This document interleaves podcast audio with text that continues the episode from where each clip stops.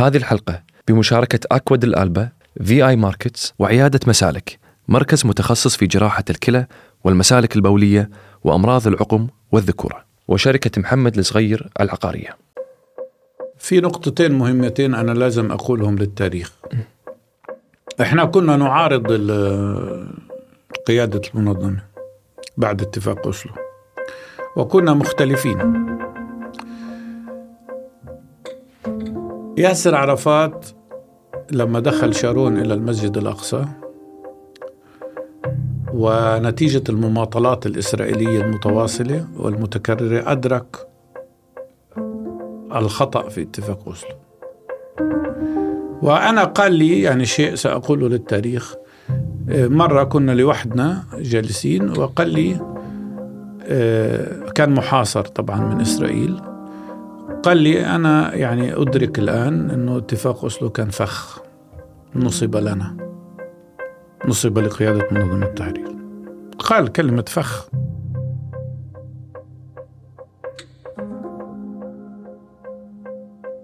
مساء الخير. وحياكم الله في بدون ورق. اليوم ضيفنا هو الدكتور مصطفى البرغوثي. من خلال وجود الضيف في بدون ورق حاولنا قدر المستطاع أن نفهم السياقات التاريخية والسياسية للقضية الفلسطينية. يعني إحنا نسمع بفتح ومنظمة التحرير وحماس والمبادرة الفلسطينية لكن ما نعرف هذه الفصائل شنو دورها علاقتهم ببعض وهل في خلاف وشنو عمق هذا الخلاف وكيف يؤثر على القضية ككل. أيضا الاتفاقات التي حصلت عبر الزمن مثل كام ديفيد واتفاق أوسلو وكيف انتقلت منظمة فتح من ولا منظمة التحرير من الكفاح المسلح إلى الحل الدبلوماسي السلمي اليوم ناقشنا أيضا الكثير من الحلول المطروحة مثلا حل الدولة وحل الدولتين وأيضا العلاقة الفلسطينية الإسرائيلية والعلاقة الإسرائيلية الأمريكية من زاوية جديدة. لذلك أتمنى لكم متابعة ممتعة معكم فيصل العقل وهذا بدون ورق. حياك الله دكتور. كم مدة لكم مدة بتعملوا هذا البرنامج؟ أربع سنين الحين. آه ما شاء الله أربع سنين الحمد لله، الحلقة الأخيرة آه بتنزل إن شاء الله بكرة مع الدكتور غسان بوسته. آه اي ف... إيه فعندنا في الفترة الأخيرة كون إحنا في المنطقة الخليجية مهم بالنسبة لنا أن نغطي القضية الفلسطينية كون أحد أهداف هذه المنصة أن إحنا نهتم في القضايا العربية ومنها طبعا وأساسية القضية الفلسطينية م. فنحاول نغطيها بكل جوانبها ون- ونتكلم عن أشخاص متخصصين في هذا الجانب. تمام إيه. أنتم من أكثر ال- البودكاست المسموعة في ال- في الحمد لله. الخليج الحمد لله. عرفت. إيه الحمد لله برافو الحمد لله. إيه. حيا بداية حياك الله دكتور. الله يحييك أهلا أم، وأنا شفت بالفترة الأخيرة عندك آه، لقاءات كثيرة على توك تي في مع بيرز مورجان ومع بعض ال- هالقناة في الأخص. واضح أنت طبعا دكتور واضح بالنسبة لك ولنا إحنا توجه هذه القناة. مع ذلك في إصرار منك إن أنت تظهر في هذه القناة رغم كل ردود الفعل من قبل القائمين على القناة. فأنا ودي أسمع منك رغم اللي شفناه إحنا ورغم التوجه العام للقناة أنت أيضا حضورك موجود ما هو السبب؟ لأنه أنا بعتبر إنه من واجبي أن أوصل الحقيقة للناس وخصوصا الحقيقة فيما يتعلق بالشعب الفلسطيني وما يجري له. ولن أوفر أي فرصة أن أظهر وأتحدث طبعا إلا إذا كانت وسيلة إعلام إسرائيلية هذه نقاطعها.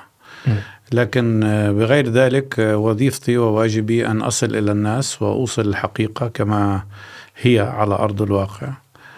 وفي هذه الحالة رغم أنه بعض المذيعين يعني يستفزوا وبعضهم يتبنى الرواية الإسرائيلية بالكامل أنا عندما أتحدث لا أخاطب المذيع وإنما أخاطب من هم وراء المذيع الجمهور الناس.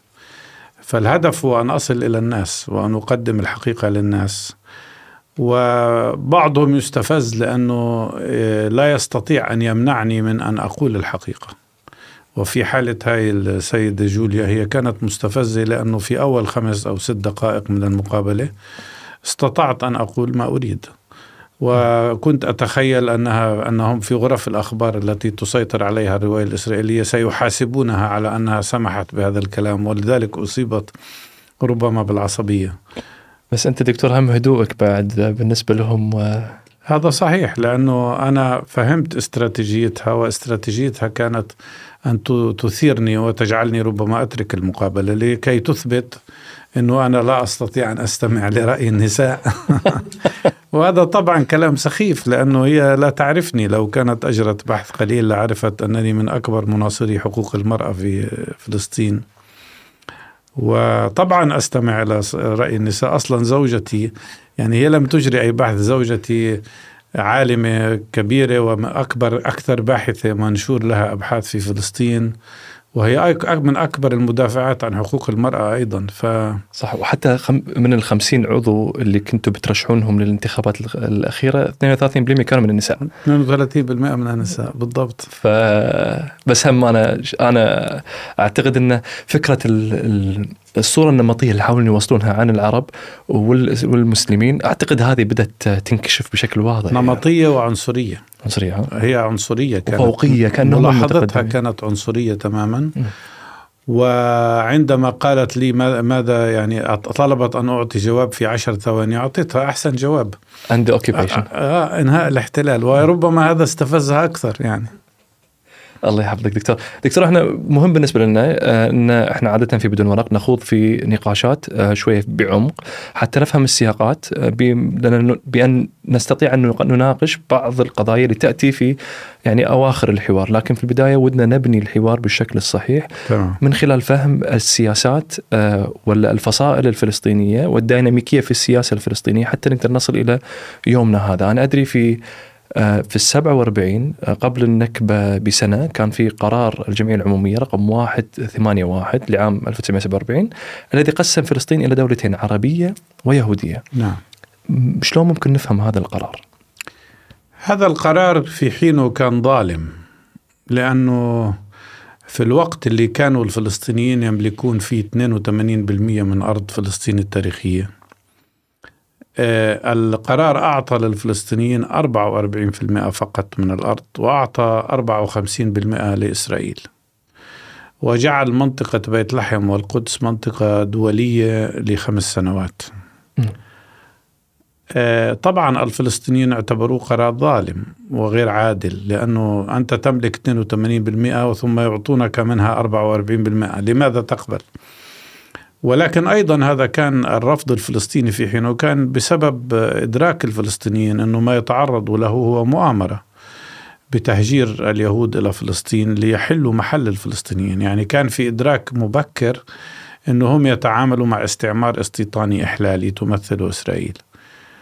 فرفضوا القرار.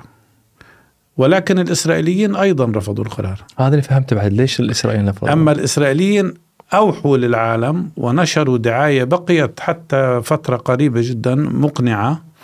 مقنعين العالم أنهم هم قبلوا قرار التقسيم والفلسطينيين رفضوه. وفي الواقع هم لم يقبلوا أبدا.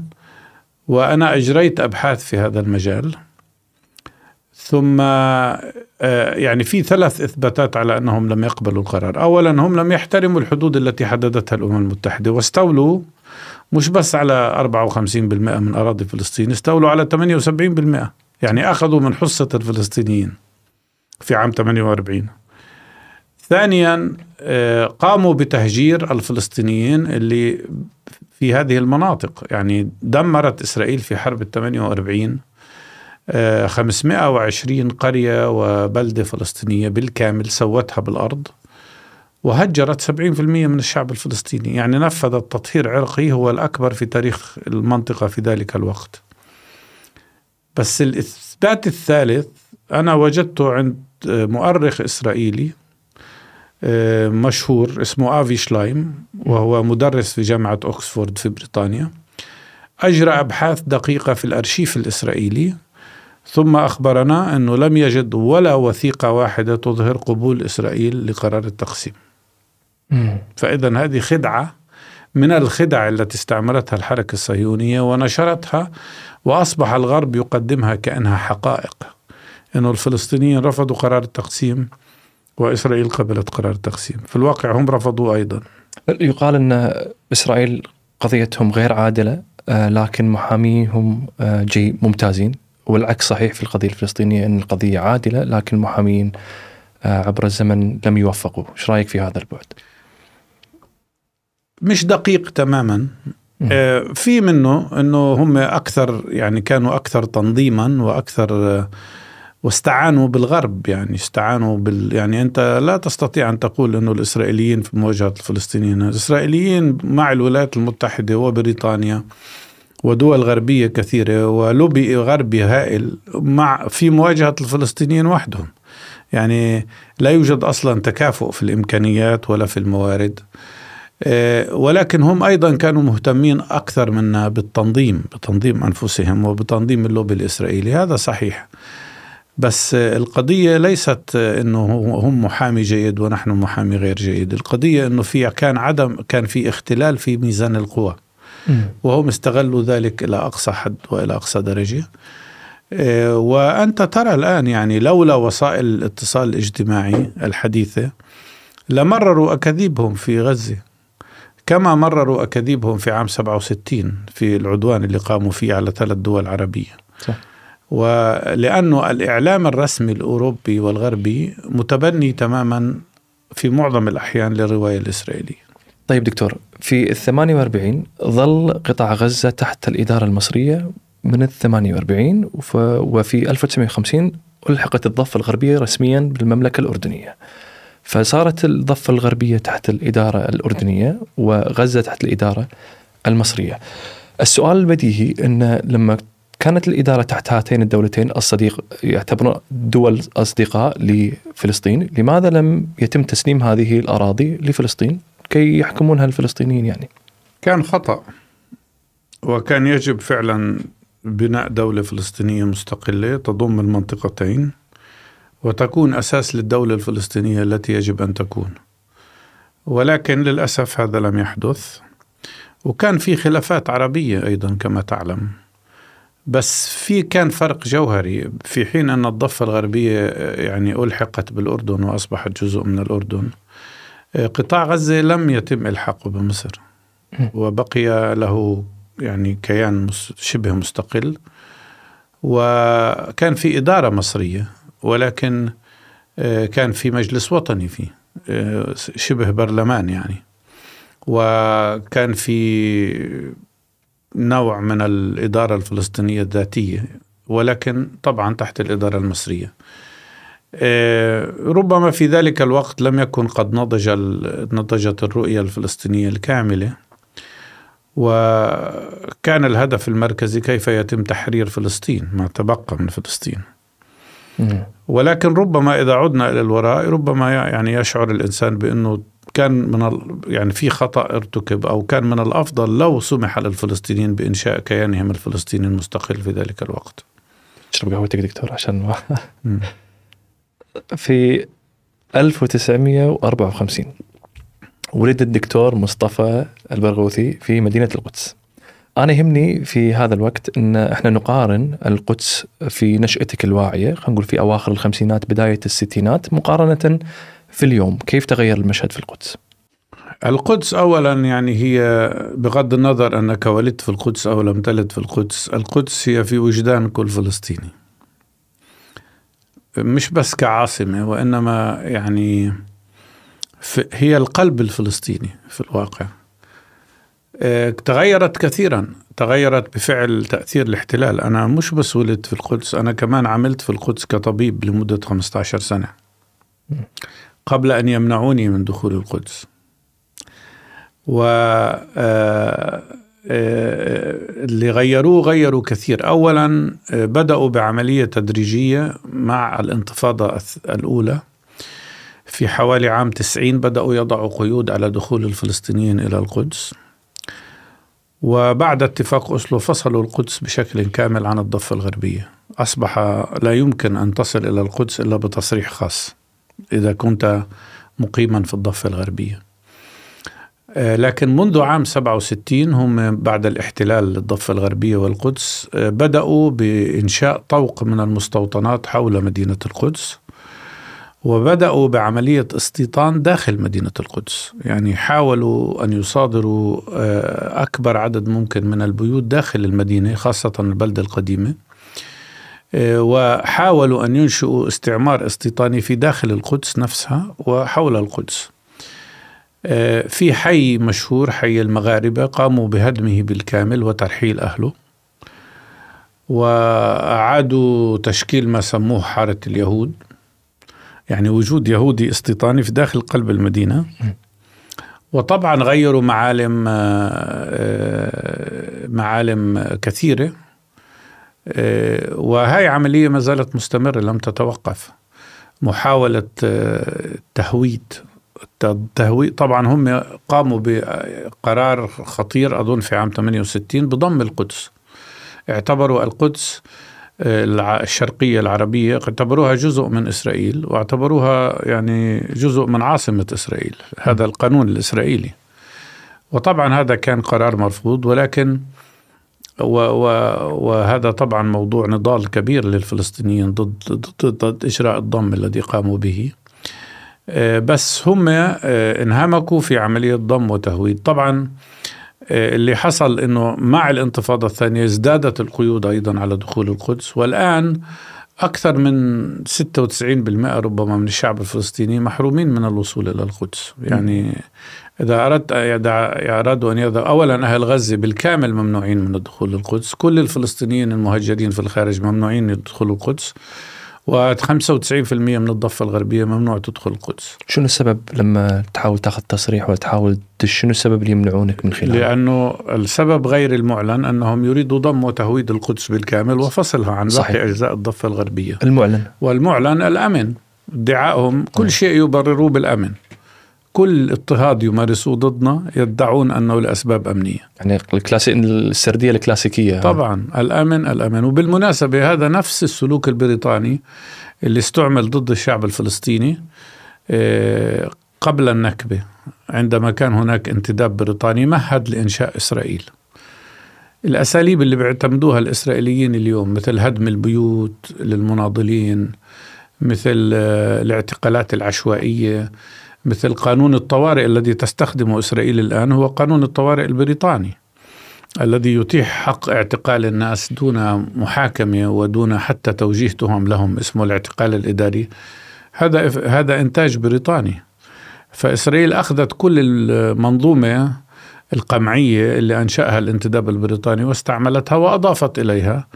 أنماط قمع جديدة يعني لقمع والتنكيل بالشعب الفلسطيني فالأساس نفسه لكن التغليف بشكل جديد طبعا. بطريقة جديدة طبعا يجب أن نقول أنه أهل القدس بواسل يعني كل عمليات يعني الضم والتهجير والتهويد آه، فشلت أمام صمود أهل القدس وبقائهم وإصرارهم على أن يبقوا في القدس.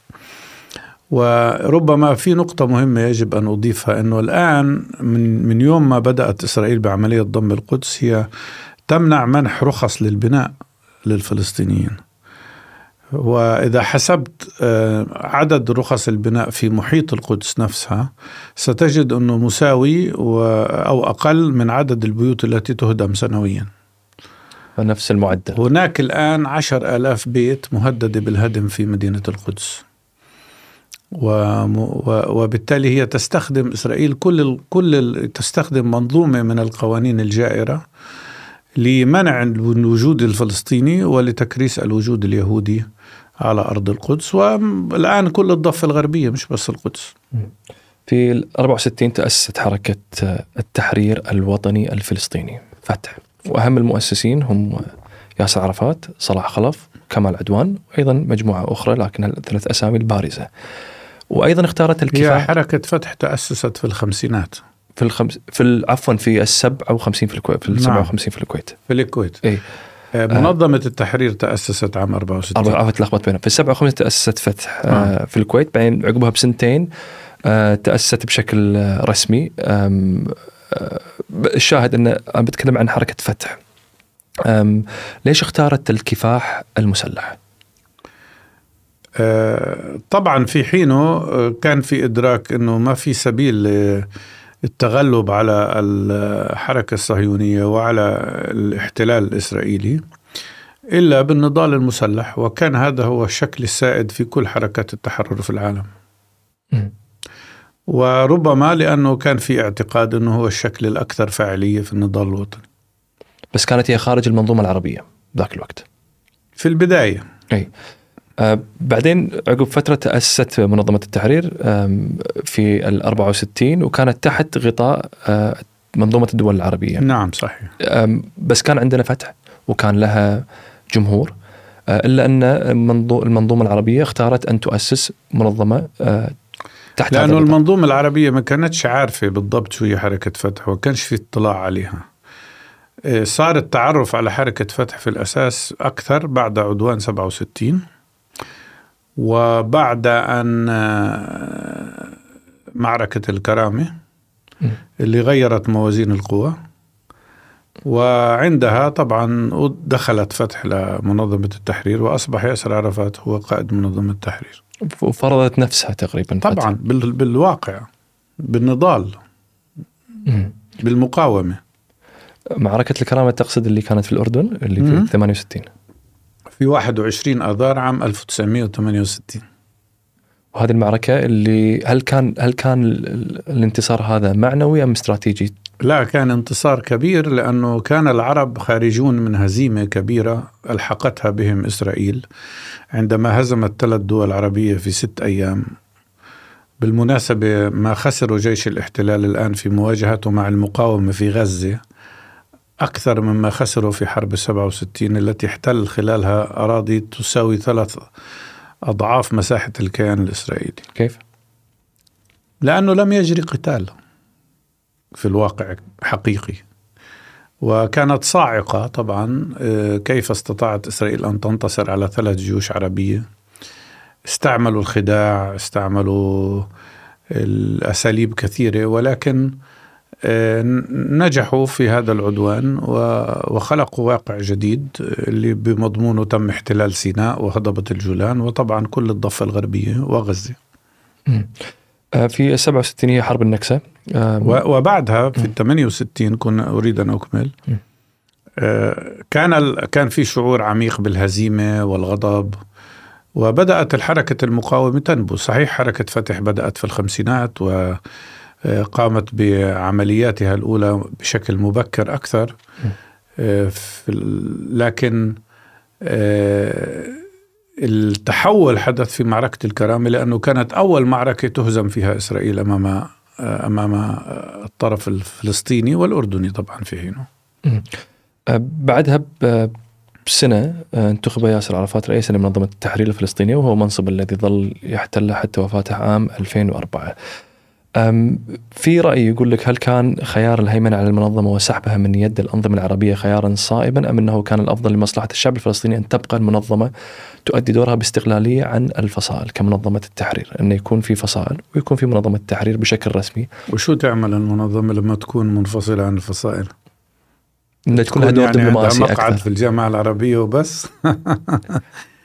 لا لا. في في في خلينا نقول لما أنت تكون كفاح مسلح وتكون في وض... ونفس نفس الوقت يكون عندك ممارسة دبلوماسية ما تحس في تعارض؟ لا. بالعكس في تكامل. ممتاز. وبالعكس أهم قرار حدث هو عام 74 عندما قرر قمة الرباط أن أن أن. منظمة التحرير هي الممثل الشرعي والوحيد للشعب الفلسطيني. كانت أهمية هذا القرار. بغض النظر عن وضع منظمة التحرير اليوم ومشاكلها الكثيرة ولكن في ذلك الوقت كان مهم جدا هذا القرار لأنه أعطى للفلسطينيين حق تمثيل أنفسهم وحقهم في استقلالية القرار الوطني الفلسطيني. وهذا حرر القرار الفلسطيني من الضغوط التي قد تتعرض لها بعض البلدان العربية لسبب أو لآخر من أطراف دولية مختلفة. طيب لو نرجع سنة قبل 74 في ولا سن كم سنة في 1970 كان في صدام بين آه، فلسطينيين في الأردن مع الأردن. صحيح. أم، ما نبي ندش في تفاصيل هذا الصدام لكن أنا ودي أفهم الأبعاد السياسية كيف أثر ذلك الصدام على أضعف المقاومة كان مؤسف إنه حدث هذا الصدام. لأنه أدى ل... كان بداية ضعف المقاومة بداية اضعاف المقاومة. لأنه نتيجة هذا الصدام طبعا صار ضعف للطرفين وصار ضعف أمام العالم واضطرت منظمة التحرير أن ترحل في نهاية المطاف من الأردن إلى لبنان. صح. استمرت هاي العملية حوالي سنة من السبعين إلى الواحد وسبعين. وفي البداية تم إجبار الفدائيين الفلسطينيين والمقاتلين على الذهاب إلى الشمال وبعد ذلك جرت معارك في عام 71 وأجبروا على الذهاب إلى سوريا وبعد ذلك إلى لبنان.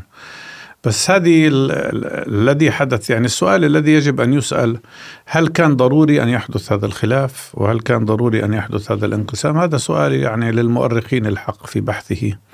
طبعا تجاوبنا عليه شجع. يعني أنا برأيي ما كانش لازم يصير الصدام ولكن مؤسف هذا حدث وأضر بنا كثيرا. في 73 وبالوقت هذا كان في عمليات مناضلة آه، في أوروبا آه، وفي إسرائيل وكان في مثلا أبو نضال هم كان جزء من من فتح وانشق من فتح والعمليات هذه اللي صنفت في في الدول الأوروبية وفي المجتمع الدولي بأنها ممارسات إرهابية. هل هذه النشاطات أثرت بشكل أو بآخر تعتقد؟ بعضها أث... يعني أبو نضال موضوع إشكالي كبير. ما مش واضح مع مين كان يعمل ولمين كان يعمل ولمصلحة مين كان يعمل. وكان في تدخلات كثيرة من أنظمة كثيرة في المنطقة. ولكن آه، بعض ما قام به كان مضر بدون شك. طيب في 1975 أو في 1974 وبعد الاعتراف العربي بمنطقة بمنظمة التحرير الفلسطيني باعتبارها الممثل الشرعي الوحيد للشعب الفلسطيني كيف كان ذلك في ظل الظروف العامة وشلون كان التوجه العربي بذلك الوقت لمصلحة القضية اولا هذا الاعتراف بمنظمة التحرير ألقى يعني ألقى مسؤولية كبيرة على الفلسطينيين ولكن ذلك لم يكن يمنع الدول العربية من أن تدعم النضال الفلسطيني إن أرادت. بس هذا فتح المجال للمنظمة أن تصل إلى الأمم المتحدة وأن تتحدث باسم الشعب الفلسطيني كما تذكر هذا جرى في عام 74. الحادث يعني الرواية الشهيرة أو الحادثة الشهيرة عندما رفع أبو عمار يعني قال أنا آه، بيدي غصن الزيتون بيد ومسدسي باليد الأخرى فلا تجعلوني ألقي غصن الزيتون من يدي. في الأمم المتحدة صحيح. نعم في الأمم المتحدة. كانت بداية نهضة كبيرة للإعتراف بالدور الفلسطيني. و آه، وتعزيز النضال الوطني الفلسطيني. وبدأت في الضفة الغربية وغزة وهذا جزء من التاريخ غير معروف بشكل كافي.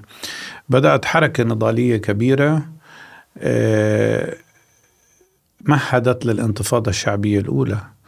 وحركة المقاومة الكبيرة هاي جرت بتشكيل الجبهة الوطنية الفلسطينية عام 1973 74 ولعبت هاي الجبهة الوطنية دورا كبيرا في قيادة النضال الوطني الفلسطيني في الأراضي المحتلة بينما كانت منظمة التحرير مستقرة في لبنان. وبعدين آه، تطورت الأمور في اتجاه بعد الجبهة الوطنية الفلسطينية تشكلت لجان التوجيه الوطني التي كان يرأسها أو ينسق أعمالها الراحل الأستاذ إبراهيم الدقاق. وبدأ في الأراضي المحتلة نضال شعبي مقاوم عظيم. تعاظم تدريجيا حتى وصل إلى ذروته مع انفجار الانتفاضة في عام 87 بس الانتفاضة لم تحدث مرة واحدة. الانتفاضة كانت على شكل موجات متتالية 74 76 78 80 82 حتى وصلت إلى الذروة الكبرى عام 88 87 بعد أن كانت منظمة التحرير قد أجبرت على الرحيل من غزة من لبنان إلى تونس, تونس. عدل. في الخمسة وفي الثمانية وسبعين طبعا أه، توقيع اتفاقية كام ديفيد أه، وأثر كام ديفيد على القضية بشكل عام. ولماذا لم تنضم منظمة التحرير لهذه الاتفاقية؟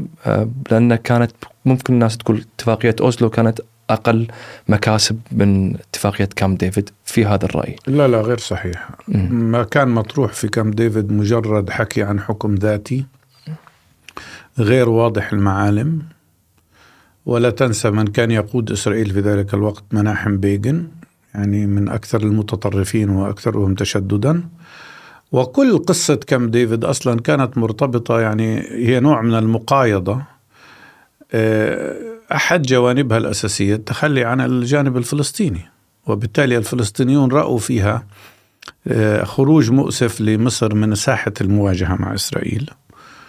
وبالتالي طبعا كان في اعتراض على اتفاقية كامب ديفيد في ذلك الوقت.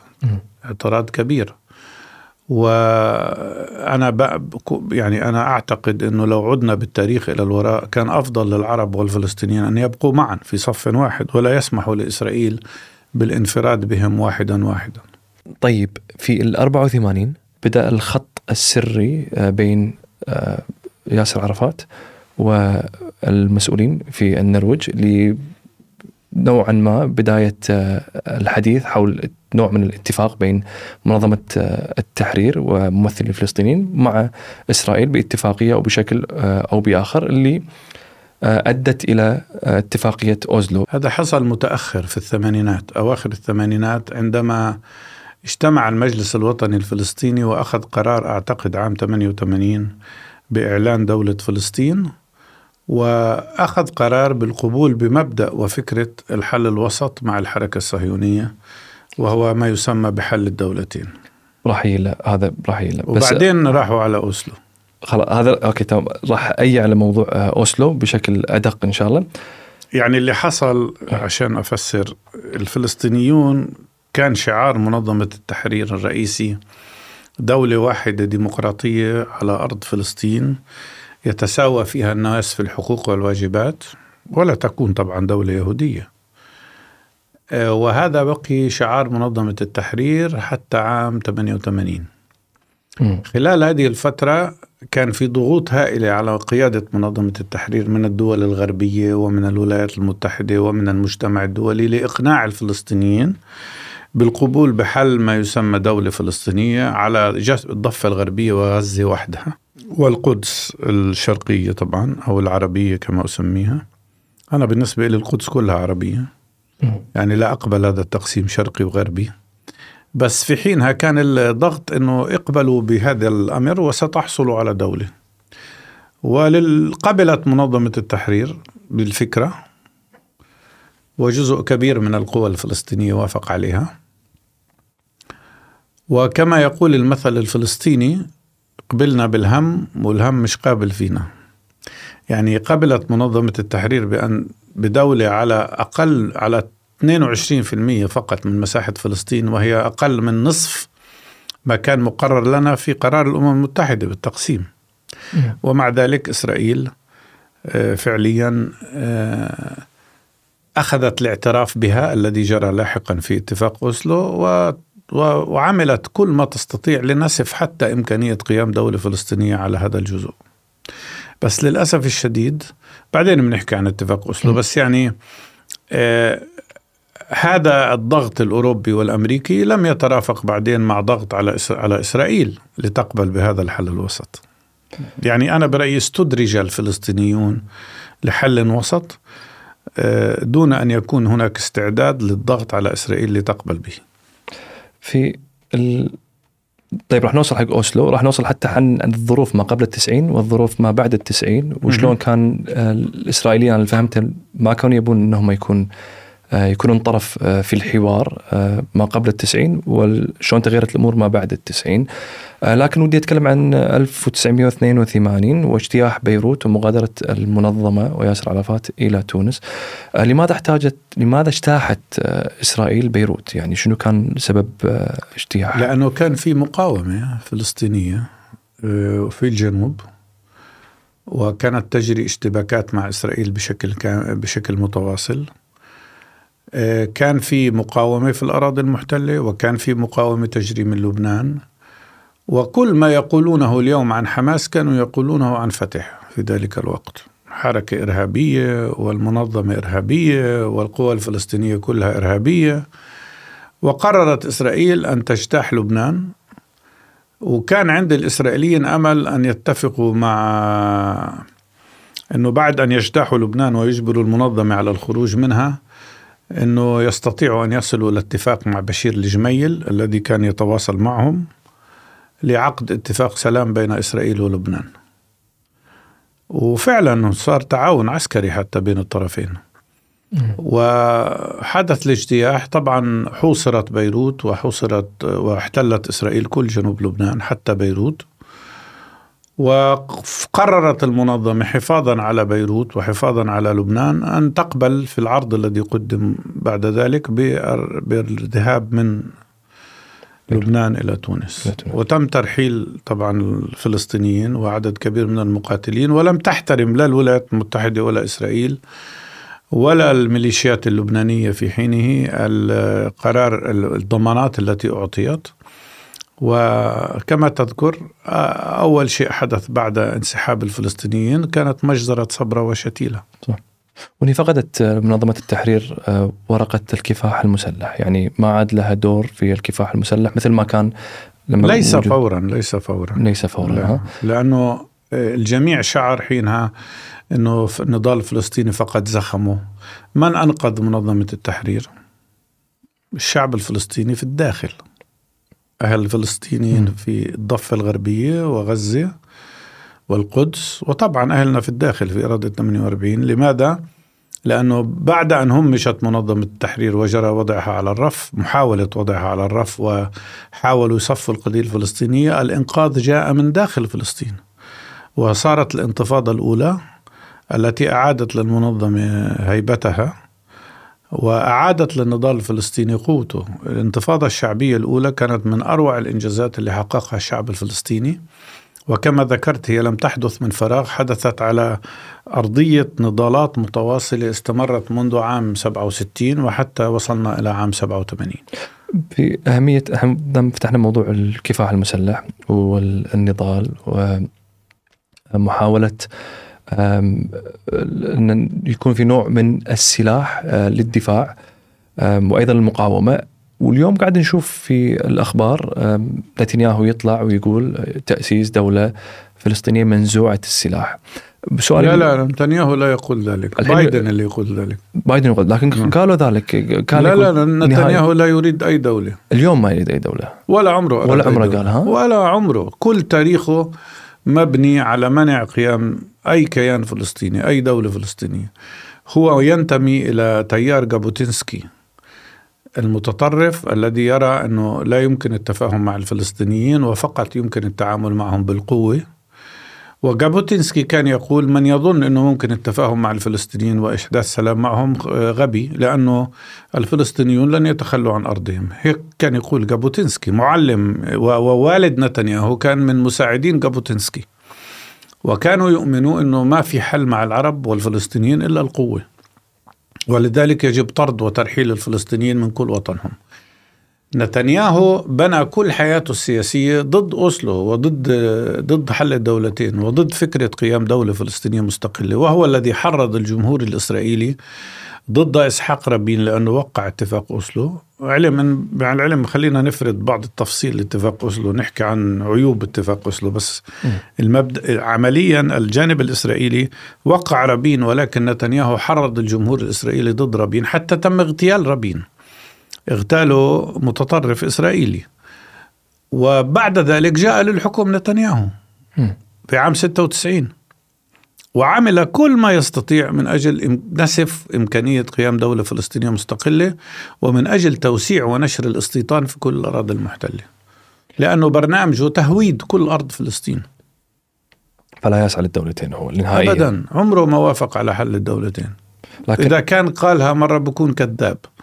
لو لو نبي ناخذ كلام بايدن اللي قال آه تأسيس دولة منزوعة السلاح. م. وأهمية يكون في سلاح لأي دولة مستقلة مقابل إذا الدولة ما كان لها سلاح كيف يؤثر ذلك على قوة الدولة؟ الذي قاله بايدن أكثر من هيك. بايدن قال شيء خبيث. قال دولة الدولة فلسطينية وحل دولتين ولكن الدول أنماط مختلفة. مثلا قال منزوعة السلاح بس هو يقصد أكثر من ذلك. هو يقصد منزوعة السيادة ومنزوعة السيطرة على الأرض ومنزوعة السيطرة على الموارد الطبيعية ومنزوعة السيطرة على الحدود ومنزوعة السيطرة على الأجواء ومنزوعة السيطرة على المجال الكهرومغناطيسي.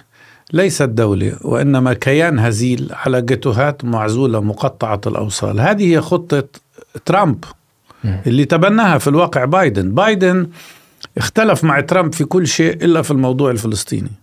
ولذلك لما جاء للحكم على مدار ثلاث سنوات قبل الحرب الأخيرة التي بدأت كل ما عملوا كان يقول آه حل الدولتين ولكن ليس في المنظور القريب. على ماذا عمل بايدن منذ جاء للحكم؟ فقط على شيء واحد التطبيع مع المحيط العربي. يعني كمل خطة ترامب. وصفقة القرن أنا كتبت عنها كتاب كامل اسمه خدعة القرن. أصدره مركز دراسات الوحدة العربية وأنا أدعو كل المهتمين بالشأن الفلسطيني يقرأوه لأنه في تفاصيل التفكير الإسرائيلي والأمريكي إنه مش دولة سميها دولة إذا بدك سميها إمبراطورية بس هي ليست سوى كيان مقطع الأوصال للتعايش مع حقيقة إنه في عدد الفلسطينيين اليوم على أرض فلسطين التاريخية أكثر من عدد اليهود الإسرائيليين فماذا تعمل بهم؟ بالنسبة لبعض الإسرائيليين بدهم مش حل دولتين حقيقي يعني فصل الضفة الغربية وغزة. بدهم يخلوا الاستيطان في الضفة الغربية وخلوا الفلسطينيين في هذه الجيتوهات المعزولة. بس الهدف الحقيقي أن يجعلوا حياة الفلسطينيين صعبة إلى درجة ترحيلهم من وطنهم. يعني ال- الهدف الإسرائيلي الحقيقي هو التطهير العرقي والترحيل للفلسطينيين. لا بدهم دولتين ولا بدهم دولة واحدة. شو يبقى؟ التطهير العرقي. لذلك الخطة التي طرحها ترامب هي خطة تتكيف مع إبقاء المستعمرات الاستيطانية في الضفة الغربية وربطها بشبكة طرق متواصلة وتحويل المدن والقرى الفلسطينية إلى معازل مطوقة بالجدار مطوقة بالمستوطنات مطوقة ب 650 حاجز إسرائيلي. هذه حقيقة ما يعنيه بايدن وما يقوله وما قاله ترامب من قبل. فيش فرق بين ترامب وبايدن فيما يتعلق بالقضية الفلسطينية. وفي عرب 48 الموجودين داخل إسرائيل. عرب موضوع آخر هذا هم فاصلينه بشكل كامل. فاصلين نعم. نعم. وزين شنو عيل لما تكلمنا عن هذا الموضوع؟ ما علاقة أمريكا بإسرائيل؟ لو نبي نفهم العلاقة الأمريكية الإسرائيلية. أمريكا وبريطانيا أنشأت إسرائيل. أنشأتها لتكون قاعدة للمصالح الإمبريالية والاستعمارية في المنطقة. وأنشأتها للحفاظ على المصالح الأمريكية في المنطقة وأيضا أنشأتها لتكون قوة تهديد للدول المحيطة في المنطقة. وأنت تعرف شو أهدافهم السيطرة على النفط السيطرة على موارد الطاقة السيطرة على الموقع الاستراتيجي. آه، وإسرائيل بالنسبة لهم كانت الحليف الأفضل. وفي البداية كانوا يدعوا أنه هذا يقومون به لمواجهة الاتحاد السوفيتي وغير الاتحاد السوفيتي. اليوم هم بدهم يفرضوه كأسلوب للسيطرة الاقتصادية والاستراتيجية والسياسية. وإسرائيل قامت على أساس وعد بلفور وعد بلفور اللي أصدرته بريطانيا عام 1917 بس وعد بلفور ليس معزولا عن التيار الأمريكي الأنجليكاني الذي كان يدعم هذا التوجه. ويستخدم حتى الميثولوجيا اليهودية لتبرير إنشاء دولة إسرائيل بهذا الشكل. ولذلك العلاقة الأمريكية الإسرائيلية والبريطانية الإسرائيلية علاقة عضوية مش علاقة تحالف عابر. لا. آه، لأنه هم ينظرون إليها باعتبارها بجانبين. الجانب الأول أنها هي وسي هي مقاعد للحفاظ على مصالحهم العسكرية والسياسية والاستراتيجية. بس ثانيا يعني هم اعتبروها مشروع استعمار إحلالي استيطاني. للحلول مكان الفلسطينيين وأخذ أرضهم. مم. في 87 الانتفاضة الأولى كرست هذه الانتفاضة انتقال مركز الثقل في النضال الوطني الفلسطيني آه، من الخارج إلى الداخل. فصار في دور كبير للفلسطينيين اللي داخل الضفة الغربية وغزة. وفي هذا الوقت أعلان تأسيس حركة حماس في 15 ديسمبر في 87 التاريخ هذا صحيح. طيب. نبي أنا أفهم الحين دخول حماس على الساحة السياسية آه، في 87 وجذور هذا الدخول آه، ولماذا تأسست حركة حماس؟ عندنا إحنا منظمة التحرير وعندنا حركة فتح آه، لماذا صار في فصيلة أخرى لها بوزنها وقوتها في الساحة السياسية؟ لأنه حركة حماس هي امتداد لحركة الإخوان المسلمين في ذلك الوقت. وحركة الإخوان المسلمين لم تكن جزء من منظمة التحرير الفلسطينية. وبالتالي رغم أنه في عام 56 لما جرى احتلال غزة من قبل إسرائيل في العدوان الثلاثي الذي جرى على مصر من مشاركة بريطانيا وفرنسا وإسرائيل. آه، في ذلك الوقت تكونت جبهة وطنية كانت تضم الإخوان المسلمين واليساريين والقوميين معا في جبهة وطنية واحدة كان من أحد قادتها البارزين الدكتور حيدر عبد الشافي. كانوا الإخوان المسلمين جزء من هاي من هذا شو اسمه وبعض قادة فتح كانوا في الإخوان المسلمين. العكس صحيح. مثل خليل الوزير أبو جهاد. بعد ذلك لأنه حركة الإخوان المسلمين في ما واصلتش العمل. لكن خليل الوزير كان ينفي ذلك اللي فهمته أنا. بجوز طيب يا سيدي ينفي. آه، مش مهم هو أو غيره. بس كان في مجموعة من قادة فتح اللي كانوا مع حركة الإخوان المسلمين. وتركوا لأنه بدهم يكملوا في الكفاح المسلح. وأسسوا حركة فتح. مش لوحدهم طبعا في ناس ما كانوش في الاخوان المسلمين. فنشأت حركة فتح كاستجابة لمطالب ومشاعر الشعب الفلسطيني في في القيام بالكفاح المسلح والآخره. حركة الإخوان المسلمين في 87 عندما نشبت الانتفاضة الأولى وقبل ذلك يعني كان في إرهاصات كبيرة كانت تنمو وصار فيها جيش من عدد كبير من الشباب. بأفكار جديدة. ورأوا أنه آن أوان أن يعني يكونوا ينخرطوا في النضال الوطني وبالتالي تبن أنشأوا حركة حماس اللي أسسها الشيخ أحمد ياسين. صحيح. نعم. بعدها في يعني أنا بتمنى لو أنه في ذلك الوقت انضمت حركة حماس لمنظمة التحرير وكان صار عندنا وحدة. هذا مش الوضع الذي نعيشه اليوم. إيش حق وقتها ما انضموا إلى منظمة التحرير؟ ما عندي تفاصيل حول هذا الموضوع بس بس صار تنافس أكثر منه تكامل. وبعد ذلك فتحت الفرص كثيرة لضرورة أن ينضوي الجميع في إطار واحد وطني مشترك ويعني ما زال هذا الأمر مفتوح للنقاش. حركة المقاومة الإسلامية حماس التي تأسست كذا وكذا. خطاب في 1990 ولا قبل 1990 في آه، في نوفمبر 1988 آه، قيام دولة فلسطين في المؤتمر. في كان في مؤتمر آه، في المجلس الوطني المجلس الوطني الفلسطيني. وكان في خطاب آه، لياسر عرفات في جنيف أيضا في 1988 وكان في مؤتمر في 1988 مؤتمر صحفي بعد الخطاب في جنيف بيوم اللي قال فيه I renounce terrorism اللي أنا نحن ننبذ الإرهاب كمنظمة التحرير. هني شلون صارت نقطة مفصلية لمنظمة التحرير؟ إنه خلاص إحنا نبي ننتقل من مرحلة إلى مرحلة أخرى. هذا اللي هذا من الضغط الخارجي والأوروبي والأمريكي. وكان في نكتة كيف قالها يعني ياسر عرفات. في الأول قال I renounce tourism مش terrorism إيه، قال I announce terrorism بعدين. أنا أعلن عن الإرهاب. آه، آه، ويعني خلوه يقول هاي الكلمة. إيه. آه، طبعا لأنه هاي لعبة إسرائيلية كل الوقت استعمال الضغط الغربي. لتجريد الفلسطينيين من حقهم في النضال بكل الأشكال. وكله كان مبني على وهمين. خليني أكون صريح معك. تمام. وهمين، الوهم الأول إمكانية الحلول الوصول لحل وسط مع الحركة الصهيونية.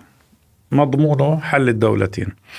إنه يعني الفلسطينيين يقبلوا بدولة في فقط الضفة الغربية وقطاع غزة والقدس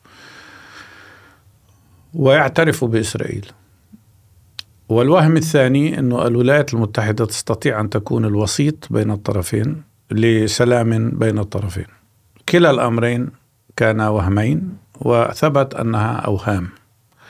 لا الحركة الصهيونية بدها حل وسط ولا الولايات المتحدة يمكن أن تكون وسيط نزيه لأنها في تحالف مطلق مع إسرائيل. لذلك الأساس اللي بني عليه اتفاق أسلو كان أساس خاطئ. بس مع ذلك لما صار مؤتمر مدريد وترأس الوفد الفلسطيني الدكتور حيدر عبد الشافي وذهب إلى واشنطن وفاوض الإسرائيليين كان الدكتور حيدر عبد الشافي وكان كل أعضاء الوفد معه يصروا على نقطة واحدة أنه لن نتحدث في أي شيء قبل وقف الاستيطان في الضفة الغربية. كان يركز على الاستيطان هو. طبعا لأنه هو يعرف الواقع. للأسف بعض قادة منظمة التحرير المقيمين في الخارج لم يكونوا يعرفوا الواقع كما نعرفه نحن على أرض الواقع. وكنا ندرك أنه أخطر مشروع هو الاستيطان. ليش؟ لأنه الاستيطان في الضفة الغربية هو استكمال للاستيطان اللي جرى في أراضي 48 نفس العقلية الاستعمار الاستيطاني الإحلالي. طبعا كثيرون كانوا مغرر بهم وكان في اعتقاد إنه لا ممكن يصير حل دولتين وإلى آخره. بس الوفد الفلسطيني في في واشنطن كان يصر لا تقدم واحد دكتور حيدر كان يقول ولا حركة واحدة في اتجاه أي اتفاق إلا بوقف الاستيطان. رابين قرر إنه خلص فيش فايدة من هذا الوفد لن يقدم تنازلات فقرر أن يذهب إلى طريق المفاوضات السرية مع قيادة منظمة التحرير الرسمية. نوصل لكن لازم نمر على 1990 وغزو الكويت 2 أكتو... 2 أغسطس واجهت قيادة منظمة التحرير تحديا جديدا حيث أنه آه، فرض عليها حصار سياسي ومالي أثر موقفهم آه، في ذلك الوقت آه، مع الطرف الغازي. كيف أثر تداعيات موقف منظمة التحرير الفلسطينية كيف أثر عليها؟ ضرها وكان خطأ الموقف. فيما يتعلق باحتلال الكويت. ما كان يجب القبول به بأي حال من الأحوال. لأنه أنت شعب تحت الاحتلال كيف تقبل احتلال آخر يعني؟ صح. وطبعا كان خطأ القيادة العراقية أن تقوم بذلك الأمر يعني. صح.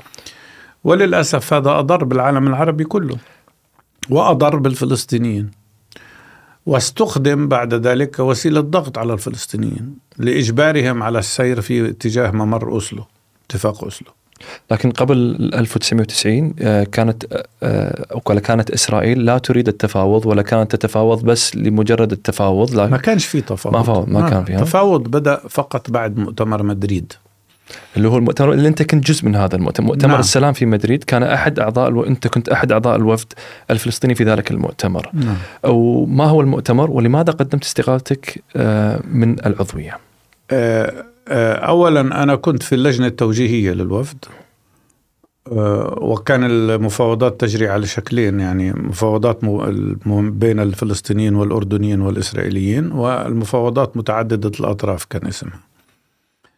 آه، في شهر أربعة حدث أمرين الأمر الأول إسرائيل أبعدت جزء كبير من قيادة حماس من حركة حماس إلى مرج الزهور أثناء المفاوضات في لبنان وطبعا هذا هدد بانهيار كل المفاوضات وكان هذا عامل في أن نراجع موقفنا إنه كيف بدنا نتفاوض وإسرائيل تقوم بإبعاد مئات الفلسطينيين إلى خارج فلسطين.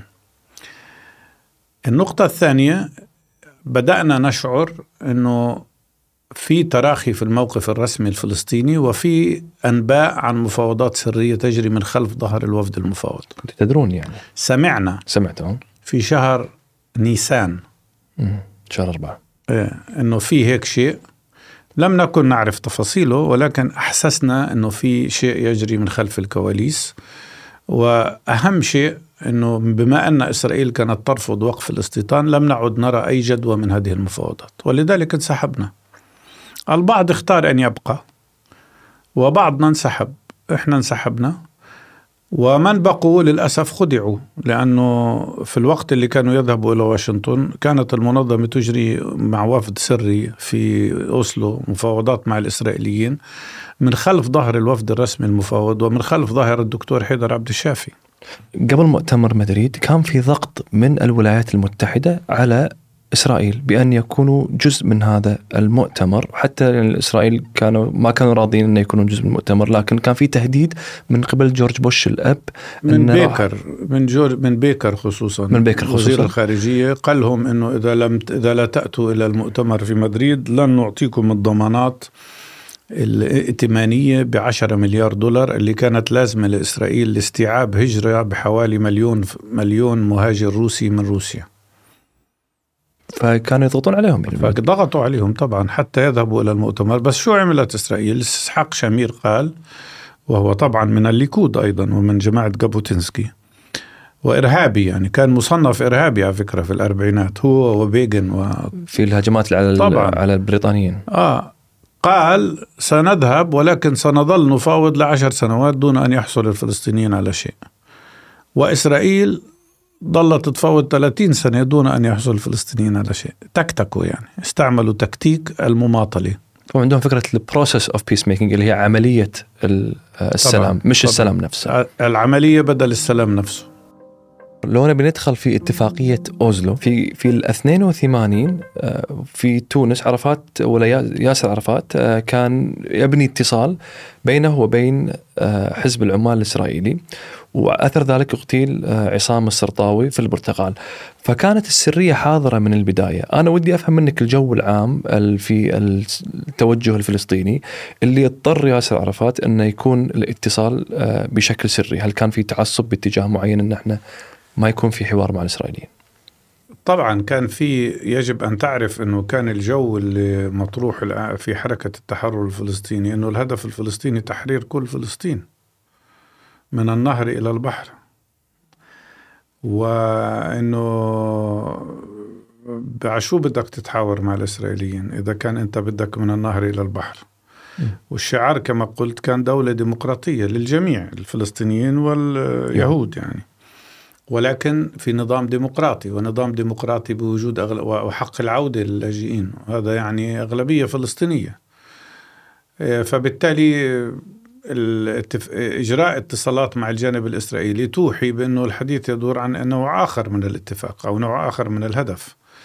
ولذلك كانوا يحرصوا على أن تكون هذه الاتصالات سرية في البداية. لكن النرويج بشكل عام هي دولة يعني قد نقدر نقول أن صهيونية لسبب أنه لما ننظر إلى أعضاء البرلمان 87 منهم في جمعية أصدقاء إسرائيل في ذلك الحين وكان عندها توجه صهيوني كبير. هل تعتقد التفاوض ويكون الجزء الذي من خلاله يتم التفاوض هو جزء صهيوني هذا كان قرار صائب؟ لا هو يعني للدقة عشان نكون دقيقين تاريخيا مش كل النرويج كانت هيك يعني. في تيار في النرويج كان يشتغل مع الأمريكان ومنهم تيري رود لارسون اللي هو كان المنظم لعملية الاتصالات الفلسطينية الإسرائيلية. وكان يعمل بوحي طبعا من ال... كانت إسرائيل عشان يكون واضح للجمهور لماذا إسرائيل دخلت في المفاوضات أصلا مع الفلسطينيين ولماذا قبلت ما هي ترفض أصلا التفاوض مع الفلسطينيين لماذا اضطرت أن تقبل؟ مش لأنه بس في ضغط أمريكي في سبب أهم. الانتفاضة. الانتفاضة الفلسطينية الأولى التي كانت انتفاضة شعبية بامتياز ومن أرقى أشكال المقاومة الشعبية لأنه انخرط فيها كل الشعب الفلسطيني. كله كل. رجال نساء أطفال كبار صغار أغنياء فقراء صارت انتفاضة الشعب بكامله. وإحنا كنا نعمل على تشكيل اللجان الشعبية اللي كان عندنا اللجان الطبية اللي أصبحت بعدين اسمها الإغاثة الطبية الفلسطينية. كان في لجان زراعية كان في لجان دعم الاقتصاد كان في لجان نسوية كان في لجان إعلامية. حركة نظمت الشعب الفلسطيني بكل طاقاته بصورة لم يسبق لها مثيل وأدت إلى أنه صارت الثورة في كل فلسطين. وصل عدد المعتقلين إلى 120 ألف معتقل من قبل إسرائيل. جيل الشباب بكامله قاموا باعتقاله ولكن الانتفاضة كانت تتصاعد. أصبح نشأ وضع جديد تغير فيه ميزان القوى بحيث لم يعد الاحتلال قادر على أن يواصل الاحتلال.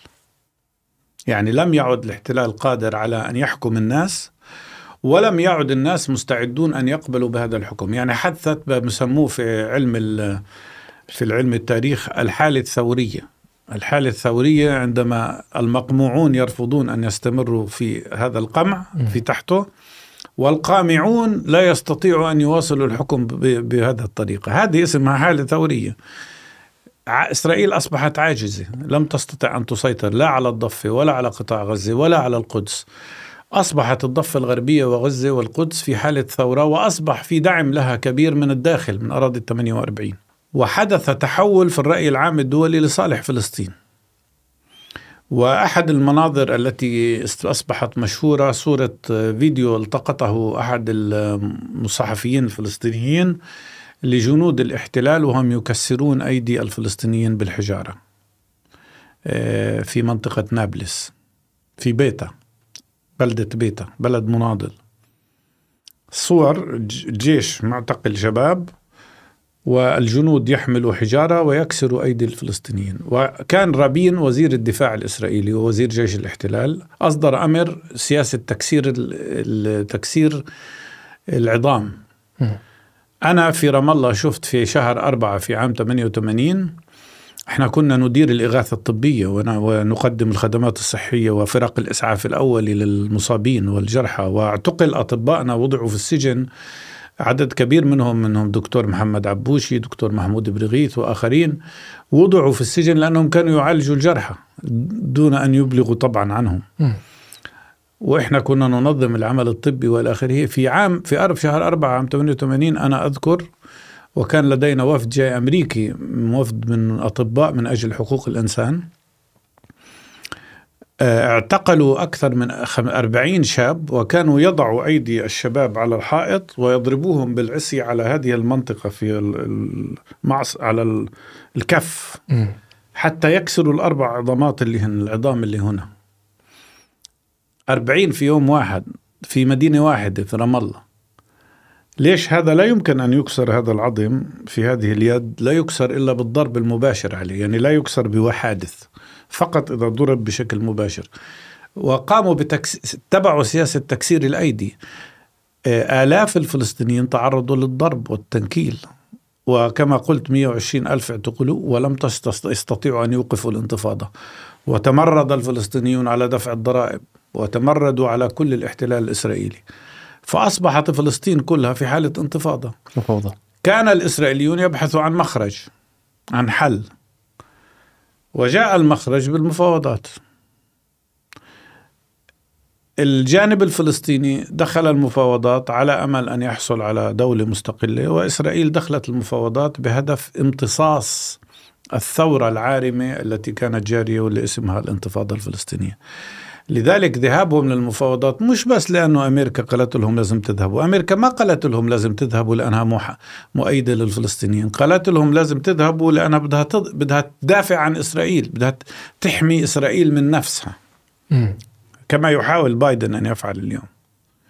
ولذلك ذهبوا للمفاوضات وكانت خدعة. المفاوضات كانت خدعة. تقصد أي واحدة مدريد ولا مدريد كانت بداية جيدة ولكن الإصرار الفلسطيني على وقف الاستيطان اصطدم اصطدم بحائط إسرائيلي. الخدعة الكبرى كانت الذهاب إلى أوسلو. الالتفاف من وراء ظهر الوفد المفاوض والذهاب إلى مفاوضات أوسلو آه، اللي كانت برأيي خداع يعني من أكبر الأشكال الخداع اللي مورست ضد الشعب الفلسطيني. واللي واللي مضمونها كان ماذا؟ طبعا الناس كانت مع منظمة التحرير. ما هو أصلا الشعب الفلسطيني حمى منظمة التحرير في الداخل من التهميش. صح. وعندما يعني دعني أعود للوراء قليلا. إسرائيل في عام في عام آه، في أواخر السبعينات حاولت أن تنشئ آه، قيادة قيادة فلسطينية عميلة تعمل مع إسرائيل. أنشأوا ما سمي بروابط القرى وحاصرناها. المناضلون حاصروا روابط القرى وعزلناها وأفشلناها. ففشل المشروع. لجأ إسحاق لجأ بعد ذلك آه، شمعون بيرس وهو أخبث أخبث من من من قاد إسرائيل. لجأ لأسلوب آخر وهو إجراء انتخابات بلدية في الأراضي الضفة الغربية على أمل أن ينتخب الفلسطينيون قيادات جديدة وتصبح هذه القيادات الجديدة بديلة لمنظمة التحرير. متعاونة يعني. ففوجئ شمعون بيرس بأنه 95% من الذين نجحوا كانوا من مؤيدين منظمة التحرير. قيادات وطنية. أحد هؤلاء القادة دكتور اسمه أحمد حمزة النتشي من الخليل. أبعد من الخليل أبعد من فلسطين قبل الانتخابات ببضعة أيام. من أجل منعه من أن يفوز. ففازت كتلته بالكامل. وهزم شخص كان اسمه الجعبري كان يعني مستعد أن يكون يعني أكثر أكثر تعاونا. تعاونا. فازت الحركة الوطنية في كل مكان فأحبط المشروع الإسرائيلي. لما يعني إسرائيل اضطرت أن تذهب للتفاوض مع منظمة التحرير لأنه شافت إنها مش قادرة توجد قيادة بديلة لمنظمة التحرير لأنه الشعب الفلسطيني في الداخل كان مخلص. للمنظمة. طبعا وأكثر المخلصين كان حيدر عبد الشافي. والقادة الآخرين بسام الشكعة وكريم خلف وآخرون. كلنا كنا مخلصين للوحدة الوطنية. لذلك الدكتور حيدر عبد الشافي شعر بألم شديد جدا وهو أكثر شخصية محترمة ونزيهة في فلسطين إنه من وراء ظهره جرى يعني هو اختاروه لقيادة الوفد الفلسطيني لأنهم يعرفون نزاهته المطلقة في إجماع عليه. واستقامته. م. نعم. لا يمكن أن يخدع لا يمكن أن يغش لا يمكن أن يعمل من وراء ظهر المنظمة. لكن هم عملوا من وراء ظهره فهذا طبعا اشعروا بالمرارة الشديدة بعد ذلك. وعلى كل حال اتفاق الذهاب إلى أوسلو أدى إلى إنتاج مفاوضات سرية خطيرة. في كانت ثلاث عيوب. اولا أنها سرية والشعب الفلسطيني لم يكن يعرف ما يجري. ثانيا أن الذين فاوضوا كانوا جاهلين بمعنى لا يعرفوا حقيقة ما يجري في الأراضي المحتلة وغير كفؤين. ولم وكان الوفد الإسرائيلي مسلح طبعا بكل القدرات الممكنة وبينما الجانب الفلسطيني كان برأيي لا يملك هذه القدرات. ثالثا استعمل الإسرائيليون تكتيك خطير جدا. شنو؟ أول شيء المعركة كانت تدور على ماذا؟ الإسرائيليون كانوا يرفضوا الاعتراف بمنظمة التحرير. صحيح. المنظمة تورطت في هذه المفاوضات على أمل أن تكسر هذا الحاجز ويخلوا إسرائيل تعترف بالمنظمة. بس إسرائيل شو عملت؟ استخدمت ورقة أن تعترف بالم... باعتراف بالمنظمة مقابل شيء كبير اسمه الاعتراف بإسرائيل. بس استعملوا أيضا تكتيك تفاوضي هذا يجب أن يكتب عنه يعني في علم التفاوض. استعملوا أسلوب خبيث وخطير. أول ما أرسلوا ما أرسلوا ناس رسميين من الحكومة الإسرائيلية ليفاوضوا الفلسطينيين. أرسلوا اثنين من الأكاديميين واحد اسمه هيرشفيلد وواحد اسمه بوندك وهم أصدقاء القيادة. آه هم كانوا يعملوا مع شمعون بيرس. اجوا قدموا حالهم لإجراء في متى جرى ذلك؟ في شهر ديسمبر عام 1992 أثناء وجود الوفد الرسمي في لندن للمفاوضات حول متعددة الأطراف فتحوا الخط الجانبي مع مع منظمة التحرير. فأرسلت منظمة التحرير مش أكاديميين أرسلت أحمد قريع أبو علاء من قيادة منظمة التحرير ومعه شخص آخر يعني حسن عصفور اسمه اقتصادي يعني الجانب الفلسطيني رسمي م. والجانب الإسرائيلي أكاديمي. صح. فتفاوضوا تفاوضوا. كانوا طبعا يلوحوا للمنظمة أنه سنعترف يعني ممكن يصير اعتراف وإشي يغروهم يعني. وحصلوا على تنازلات كبيرة من الجانب الفلسطيني في هذه المفاوضات. بعدين أظن في شهر أربعة شهر أبريل من عام 93 آه، قالوا لهم إحنا أكاديميين لا نمثل الرأي الرسمي. الآن لازم يجي وفد رسمي من إسرائيل يتفاوض معكم. شنو التكتيك هذا؟ ما فهمت يعني ليش؟ امتصاص تنازلات. مم. الحصول على تنازلات واختبار ما هي إمكانيات التنازلات لدى الجانب الفلسطيني. وفي نفس الوقت كل ما قدمه الجانب الإسرائيلي كان أكاديمي يعني ليس ملزم. طرف يلتزم والآخر لا يلتزم. فجابوا أوري سافير اللي هو كان يعمل مع يوسي بيلين في وزارة الخارجية مع شمعون بيرس كان مدير وزارة الخارجية. نعم. جابوا أوري سافير وبدأ معهم جولة مفاوضات وجولة تنازلات جديدة. يعني عصروا الوفد الفلسطيني على الآخر ثم بدأوا عصر جديد في شهر نيسان أظن مع أوري سافير. ومن يرافقه؟ أعتقد في شهر ستة أو سبعة قالوا للوفد الفلسطيني بعد ما أخذوا كمان تنازلات تنازلات قالوا لهم بس إحنا لا نمثل إلا شمعون بيرس. لازم نجيب حدا الآن يمثل إسحاق رابين رئيس الوزراء الإسرائيلي. يعني مراحل للعصار طبعا. فجابوا آه، محامي آه، إسرائيلي يعمل مع رابين من نيويورك اسمه يوئيل زينيجر. وبدأ يوئيل زينيجر عملية عصر ثالثة شفت كيف التكتيك اللي اتبعوه حقير يعني. بدأ عملية عصر ثالثة حتى وصلوا لشهر ثمانية واقتربوا من توقيع الاتفاق وأصبح الكل متحمس بده يصير اتفاق وتخرج منظمة التحرير من العزلة المادية والى آخره. وتبنوا وهم حصل شيء أيضا آه، في مريع في موضوع التفاوض في شهر 8 حسب معلوماتي وهي كتبها آه، كتبوها اثنين من المؤلفين في كتاب اسمه بالفرنسية اسمه Les fous de la paix مجانين السلام. حطوا التفاصيل هاي. يوئيل زينجر في شهر 8 قرر أن يرسل لقيادة منظمة التحرير 80 سؤال. كل سؤال منها ملغوم. مثلا هل أنتم إذا أنشأتوا سلطة فلسطينية في الضفة الغربية أو في الأراضي المحتلة آه، هل ستكونوا مسؤولين عن المستوطنات؟ جاوبوا لا يعني طب خلص لما تقول أنت لا أخرجت كل المستوطنات من المعادلة تبقى تحت السيطرة الإسرائيلية. وهذا تمهيد بعدين لألف وباء وجيم طبعا. وبالتالي وبالتالي يعني هذا جزء من التاريخ مهم يعرفوه الشباب الفلسطيني والشباب العربي. قال بعدين يقول زينيجر في مذك... في في مقابلة أنا فوجئت عندما جاءني 80 جواب لكن لم أفاجأ من الأجوبة. فوجئت إنه مع الأجوبة الثمانين لم يصلني ولا سؤال. إنه الجانب الفلسطيني ما سأل ولا سؤال. على كل حال إن بالنتيجة وقع اتفاق أوسلو أنا بدي أتكلم في تفاصيل أكثر شوي فيما يخص أنت حتى قلتها هذه في في وثائقي تكلمت عن هذه الجزئية فكرة أن المفاجأة كانت أن الطرف الثاني لم يسأل آه، ولا سؤال وأيضا آه، اتفاق أنت أيضا قلت اتفاق أوسلو كان أكبر فكرة عبقرية في التاريخ الإسرائيلي لأنه ضمن استمرار الاحتلال دون أن تدفع إسرائيل تكاليف الاحتلال. طبعا. شنو المقصود؟ المقصود إنه الانتفاضة كانت تكلف إسرائيل تكاليف هائلة تخلصوا من الانتفاضة لأنه وقف الانتفاضة كان جزء من الاتفاق. تكلف تخلصوا من ذلك النزيف الذي لم يكونوا يستطيعوا احتماله وأعطوا الفلسطينيين وهم. واتفاق أسلو كان فيه خطايا عديدة. آه، أولها ما حذر منه الدكتور حيدر عبد الشافي وهو عدم جواز توقيع أي اتفاق مع إسرائيل دون وقف الاستيطان وافقت المنظمة على توقيع الاتفاق دون, دون وقف الاستيطان. النتيجة كان عندنا 121 ألف مستوطن عام 93 اليوم عندنا 750 ألف مستوطن. يعني لم تتوقف عملية الضم والتهويد.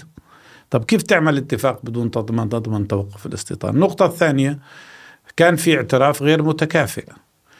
الفلسطينيون اعترفوا بإسرائيل يعني منظمة التحرير اعترفت بإسرائيل وإسرائيل لم تعترف إلا بالمنظمة مش بدولة فلسطينية. اعترفت بالمنظمة كممثل للفلسطينيين. ولم تعترف بدولة فلسطينية. فهذا كان خطأ ثاني. الخطأ الثالث أنه المنظمة قبلت أن توقع اتفاق انتقالي دون تحديد الهدف النهائي كما كان يطالب الوفد الرسمي في مدريد وفي واشنطن. إحنا كنا نقول قبل ما نحكي بالتفاصيل والمراحل ممكن يصير مراحل ولكن أول من حدد الهدف النهائي إنهاء الاحتلال لجميع الأراضي المحتلة. وبعد ذلك ندرس وين كيف نصل إلى ذلك. أما بدون تحديد الهدف النهائي المنظمة فقدت زمام المبادرة لأنه صار في مرحلة انتقالية لست سنوات. بعدها يتم البحث في قضايا الحل النهائي وهي القدس والمستوطنين واللاجئين والحدود والأمن والمياه. بعد خلال ست سنوات. اللي هم أخذوا كل المكتسبات. ولكن اللي حصل أنه إسرائيل أخذت اتفاق أسلو ولم ووقفت المفاوضات. الخطيئة الكبرى الأخرى إنه قبلوا في الاتفاق أوسلو الثاني قبلوا بتقسيم الضفة الغربية إلى ثلاث أقسام ألف وباء وجيم. وللأسف هذا كان خطيئة أخرى. ألف يعني منطقة سيطرة السلطة الفلسطينية وباء هي سيطرة مدنية ولكن الأغلبية الأرض 60% بقيت جيم جيم C يعني تحت السيطرة الإسرائيلية المدنية والأمنية.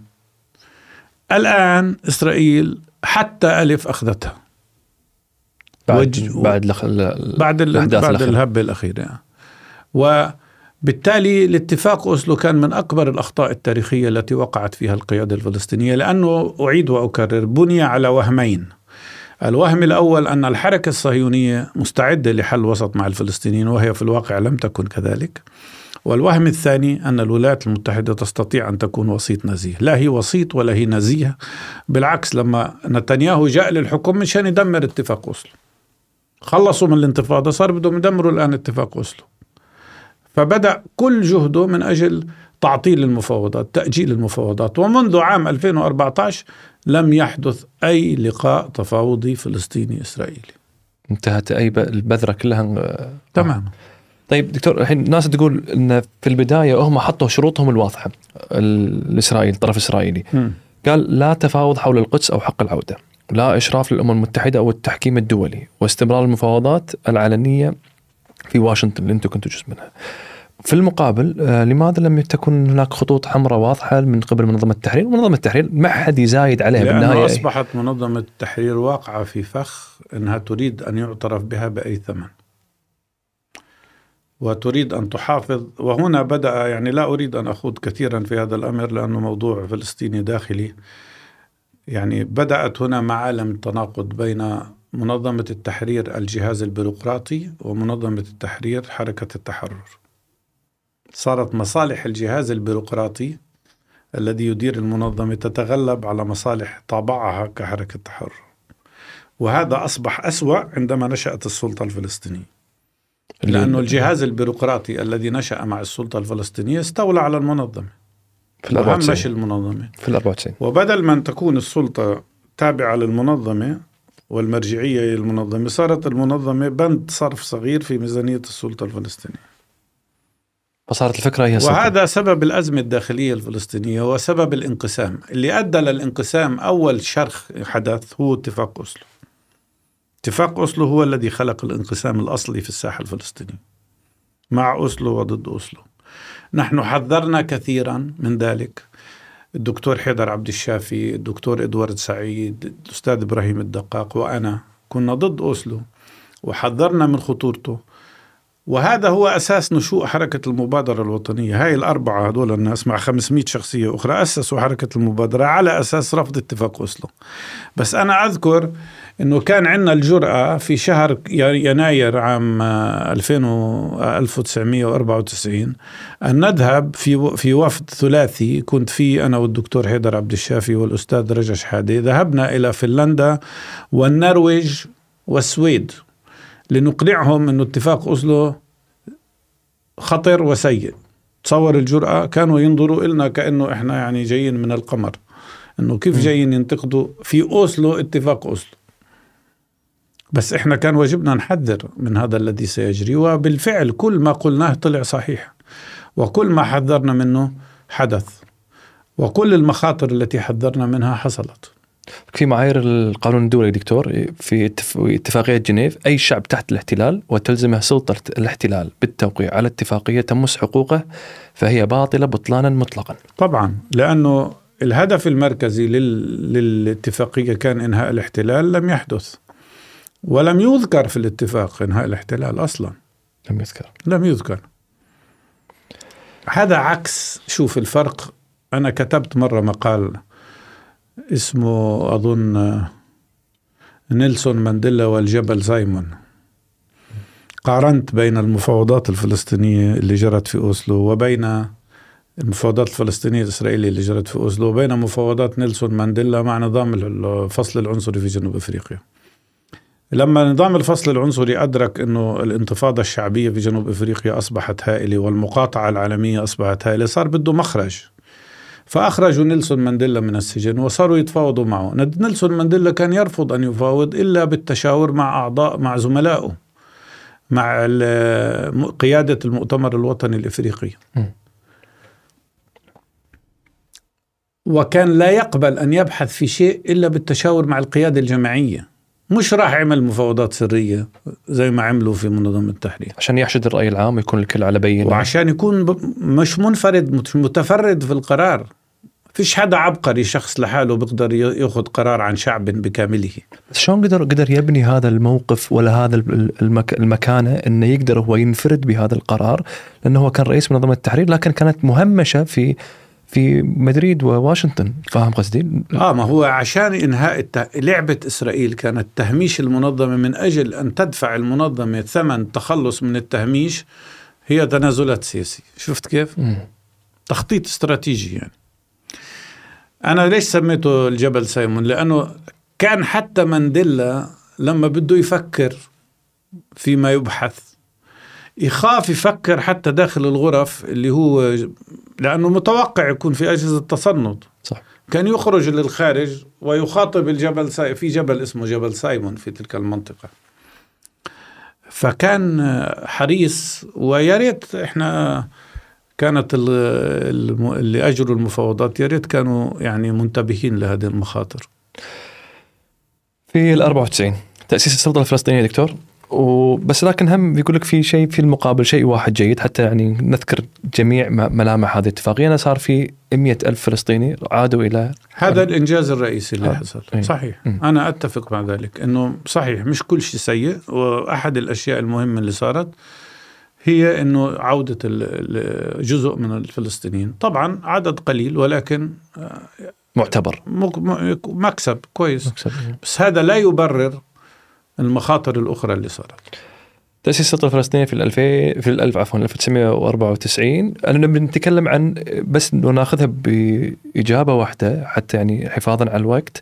بين ال 94 وال 2000 ليه كام ديفيد؟ والانتفاضة الثانية شلون نقدر نلخص الست سنين سبع سنين هذه؟ في نقطتين مهمتين أنا لازم أقولهم للتاريخ.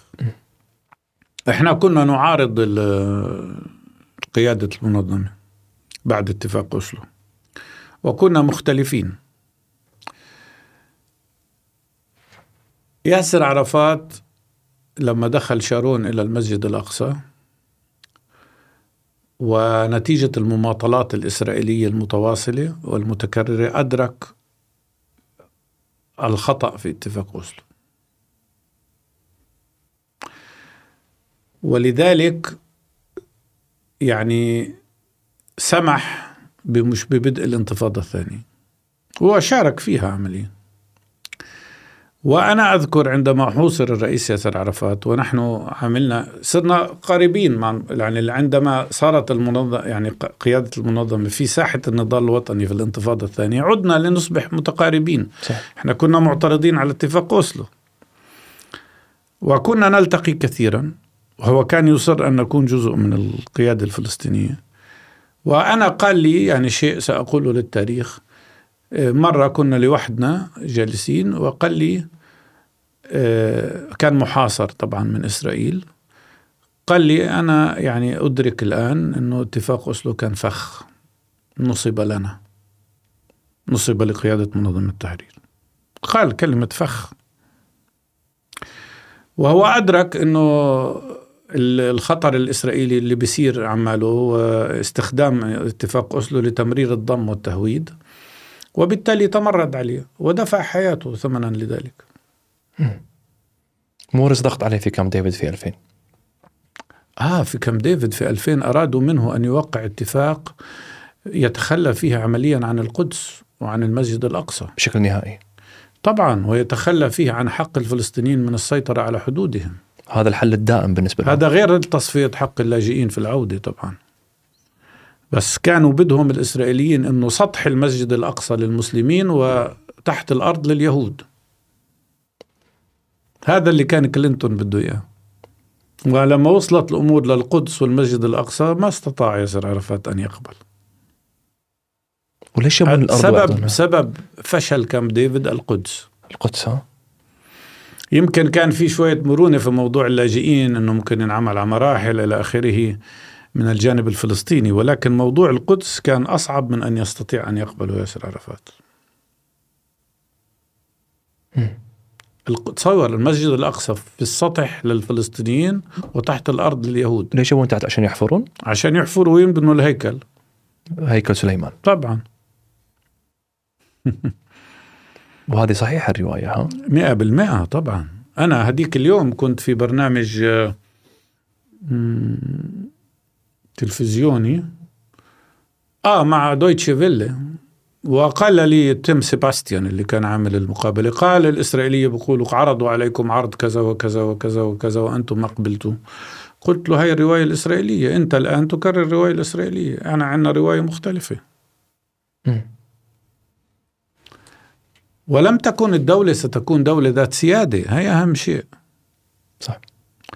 فلذلك اضطر ياسر عرفات أن يرفض كم ديفيد وبعد ذلك بدأت الانتفاضة وبعد ذلك دخل شارون طبعا بعد بعد فشل كم ديفيد دخل شارون وبعد ذلك سقطت الحكومة الإسرائيلية حكومة إهود باراك وجاء شارون وبدأت الانتفاضة. وياسر عرفات أصبح محاصر. وتعرض للتسميم. تسميم. بالتأكيد. تم اغتياله وليس الأمر بحاجة إلى بحث يعني من يقرأ مذكرات بوش ومذكرات شارون سيكتشف ما جرى لماذا اغتاله؟ لأنه صاروا يرووا أنه ياسر عرفات أصبح عقبة. عقبة في طريق تمرير المخطط الإسرائيلي. وبالتالي وكانوا يريدوا قيادة فلسطينية بديلة. وأجبروا ياسر عرفات على تعيين رئيس وزراء. وفي الوقت اللي كان فيه محاصر عملوا اجتماع في شرم الشيخ أظن أو في العقبة. كان يشارك في شرم الشيخ. والله ما أنا متذكر. يا شرم الشيخ يا العقبة. كان في شارون وكان في بوش وكان في رئيس الوزراء الفلسطيني كان أبو مازن في حينه. وياسر عرفات معزول في المقاطعة المحاصرة. محاصرين حرفيا. طبعا. إحنا أرسلنا عندما حوصر ياسر عرفات أول مرة أرسلنا أربعين متطوع أجنبي. كنا ننظم حملة الحملة الدولية لحماية الشعب الفلسطيني. أرسلنا أربعين متطوع ليشكلوا درع بشري حوله. م. وعملنا زي عملية عسكرية. خدعنا الجيش الإسرائيلي. شاغلناه من اليمين والشم واليسار والمجموعة هاي دخلت من الوسط. وشارون عمل لجنة تحقيق. كيف بدخلوا؟ أربعين واحد أجنبي ويدخلوا إلى المقاطعة وهي محاصرة بالدبابات. طبعا لأنه كان الجيش الإسرائيلي معوش أوامر يطلق الرصاص على الأجانب. صح. وبقوا مع ياسر عرفات أكثر من شهر. يشكلوا درع بشري حوله. وما هو التبرير الدولي لمحاصرة ياسر عرفات؟ الانتفاضة الثانية؟ فيش تبرير الانتفاضة وبدعوا طبعا صاروا يسموه إرهابي وصاروا. الفلسطين. اليوم كل الكلام اللي يقال عن حركة حماس إنها حركة إرهابية كله قيل عن ياسر عرفات. وكله قيل من قبل عن منظمة التحرير وكله قيل عن حركة فتح وعن الجبهة الشعبية وعن المنظمات الأخرى. بالنسبة الموضوع مش هاي المنظمة أو تلك الموضوع أي مناضل فلسطيني بالنسبة لإسرائيل إرهابي. ويريد أن يمنع حق الفلسطينيين المشروع في القانون الدولي في النضال من أجل حقوقهم مهما كان شكل النضال. أنا دائما أقول في محاضرات في الخارج كثيرة إذا ما ناضل الفلسطيني بالسلاح يقول عنه إرهابي وإذا ناضل بالمقاومة الشعبية السلمية يقول عنه عنيف. وإذا ناضل بالكلام بس مجرد الكلام يقول عنه محرض. وإذا جاء أجنبي تضامن مع الشعب الفلسطيني يقول عنه لا سامي. وإذا كان في يهودي مثل آه، مثلا جدعون ليفي يؤيد آه، حقوق الشعب الفلسطيني بيقولوا عنه self-hating Jew يهو كاره يهودي كاره للنفس. هاي ماكينة لتصنيف الناس الذين يناصرون الحق الفلسطيني جاهزة طوال الوقت. يستعملوها الإسرائيليون. الآن شوف بيحكوا كل شيء antisemitism إذا وصلت في ألمانيا الأمر إلى أنه اللي بيرفع علم فلسطين بيقولوا عنه anti-Semite مضاد معادي للسامية. كلها ماكنة مصممة من أجل هدفها الرئيسي حرمان الفلسطيني من حقه في النضال من أجل حريته. ما تعتقد هذا الحين قاعد يتغير مع ال social media وال... طبعا يتغير بفضل إرادة الشعوب بس يستعمل ضدنا هذا. التكنيك كل الوقت. وانت قاعد تشوفه بشكل رئيسي ها؟ يعني حتى انت قلت لك في بدايه الحوار انت قاعد تشارك في منصات بطريقتها تبني مصداقية قبل الحروب وأثناء الحروب تستخدم هذه المنصات. آه طبعا طبعا. كله آه شوف في 7 أكتوبر اللي عملته الحكومة الإسرائيلية استعملت تكنيك dehumanization of حماس يعني نزع إنسانية حماس أولا ثم نزع إنسانية كل الفلسطينيين. وبعد ذلك تبرير الجرائم الحرب التي ترتكب ضد الشعب الفلسطيني. لأنه استعملوا هذه التقنية اللي هي نزع إنسانيتنا. لما تنزع إنسانية إنه أي شخص يصبح مشروع قتله صح؟ صح. ولذلك أول جملة قالها جالانت وزير الجيش الإسرائيلي أنه الفلسطينيين حيوانات, حيوانات بشرية. والهدف هو نزع إنسانيتنا. شوف النضال الفلسطيني متواصل متراكم إلنا مئة سنة. مش عشرين سنة ولا أربعين سنة ولا سبعين سنة. الشعب الفلسطيني يناضل من أجل حقوقه منذ مئة عام منذ بدأ الاستيطان اليهودي في فلسطين. وهي معركة متواصلة واستخدم الإسرائيليون فيها كل الوقت كل هذه الحجج والدعايات التي يستخدمونها الآن ضد الشعب الفلسطيني. بما في ذلك التجسس في قبل ال 48 في من في الثلاثينات والأربعينات الحركة الصهيونية كان عندها جهاز استخباراتي. كان يدرس كل قرية فلسطينية وما هي العائلات اللي هناك وما هي الممتلكات الموجودة وما هي الخلافات العائلية الموجودة بين عائلة وأخرى. لاستخدام كل ذلك لإثارة الفتن والنزاعات الداخلية الفلسطينية. في ال 2002 دكتور تأسست الحركة حركة المبادرة الوطنية الفلسطينية اللي انت كنت جزء من تأسيسها ومعك آه، طبعا شخصيات أخرى مثل حيدر عبد الشافي وإبراهيم الدقاق وكان أيضا أدوارد سعيد أحد مؤسسيها عدل؟ صحيح. لكن آه، أدوارد سعيد لم إن عرفنا إنه إنه كان جزء من هذا التأسيس بعد آه، وفاته. لماذا؟ لا لا قبل آه، وفاته. قبل وفاته طبعاً. أعلن. لكن لماذا كانت آه، كان كتب عن ذلك. كتب عن ذلك ها؟ لكن كان سري الموضوع لفترة إنه ما كان جزء من مش يعني سري كثير ولكن آه، كان كان يعني آه، مشارك وكتب كثير من المقالات وأشاد فيها بالمبادرة الوطنية. وكان معنا يعني بالتفكير ومعنا في التخطيط ومعنا في كل شيء. طيب المبادرة تدعو للتصدي للضغوط الإسرائيلية وتدعم العمل على استمرار الكفاح الوطني بكل أنواعه. بكل أشكاله نعم. من- حسب القانون الدولي. حسب القانون وهذه الجزئية دكتور أنا ودي نفهمها حتى حقنا إحنا. ودنا نفهم الجزئية هذه اعتقد مهمة جدا يعني. حتى نفهم إن ال- الكفاح المسلح في بعض المناطق وفي بعض الأشكال يكون جائز وفق القانون الدولي. ماذا يعني القانون الدولي؟ القانون الدولي بالضبط يقول ما يلي: من حق أي شعب تحت الاحتلال أن يناضل ضد الاحتلال بكل الوسائل بما في ذلك الكفاح المسلح بشرط أن المناضلين وأشكال الكفاح تحترم القانون الإنساني والقانون الإنساني الدولي، ماذا يعني ذلك؟ يعني عدم الاعتداء على المدنيين، عدم الاعتداء على الأطفال، عدم الاعتداء على الممتلكات المدنية، هذا هو القانون الدولي. القانون الدولي يشرع الكفاح المسلح طالما يحترم القانون الإنساني الدولي فيعني إنه يكون في كفاح مسلح أه، مقاومة. هذا م- مشروع طبعا. مشروع. وفي في قرارين في دول مجلس الأمن هو قرار 181 وقرار 284 إذا ماني غلط حول. حول أه، تقسيم الحدود قرار 67 التقسيم هو 181 تقسيم صحيح. فلسطين إلى دولتين دولة يهودية ودولة عربية فلسطينية. واضح.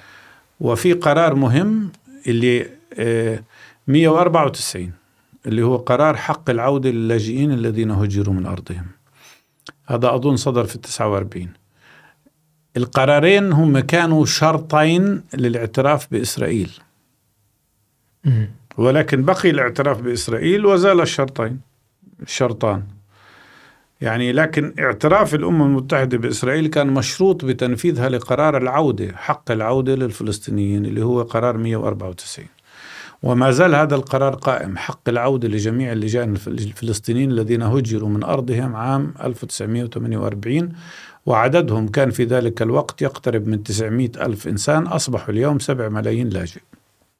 طيب دكتور وحدود 67 هذه حدود 67 الحين المطالبة بحدود 67 صحيح؟ يعني كانت هيك. كانت في هيك. قرارات الأمم في منظمة التحرير في شعار الدولة المستقلة.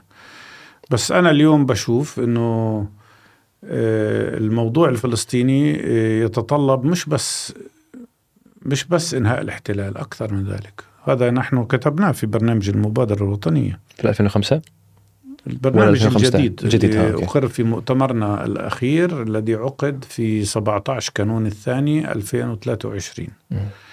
وبرنامجنا يقول أن الحل هو إنهاء الاحتلال وإسقاط نظام الأبرتايد العنصري بكامله وإزالة طابع الاستعمار الإحلالي الاستيطاني الإسرائيلي.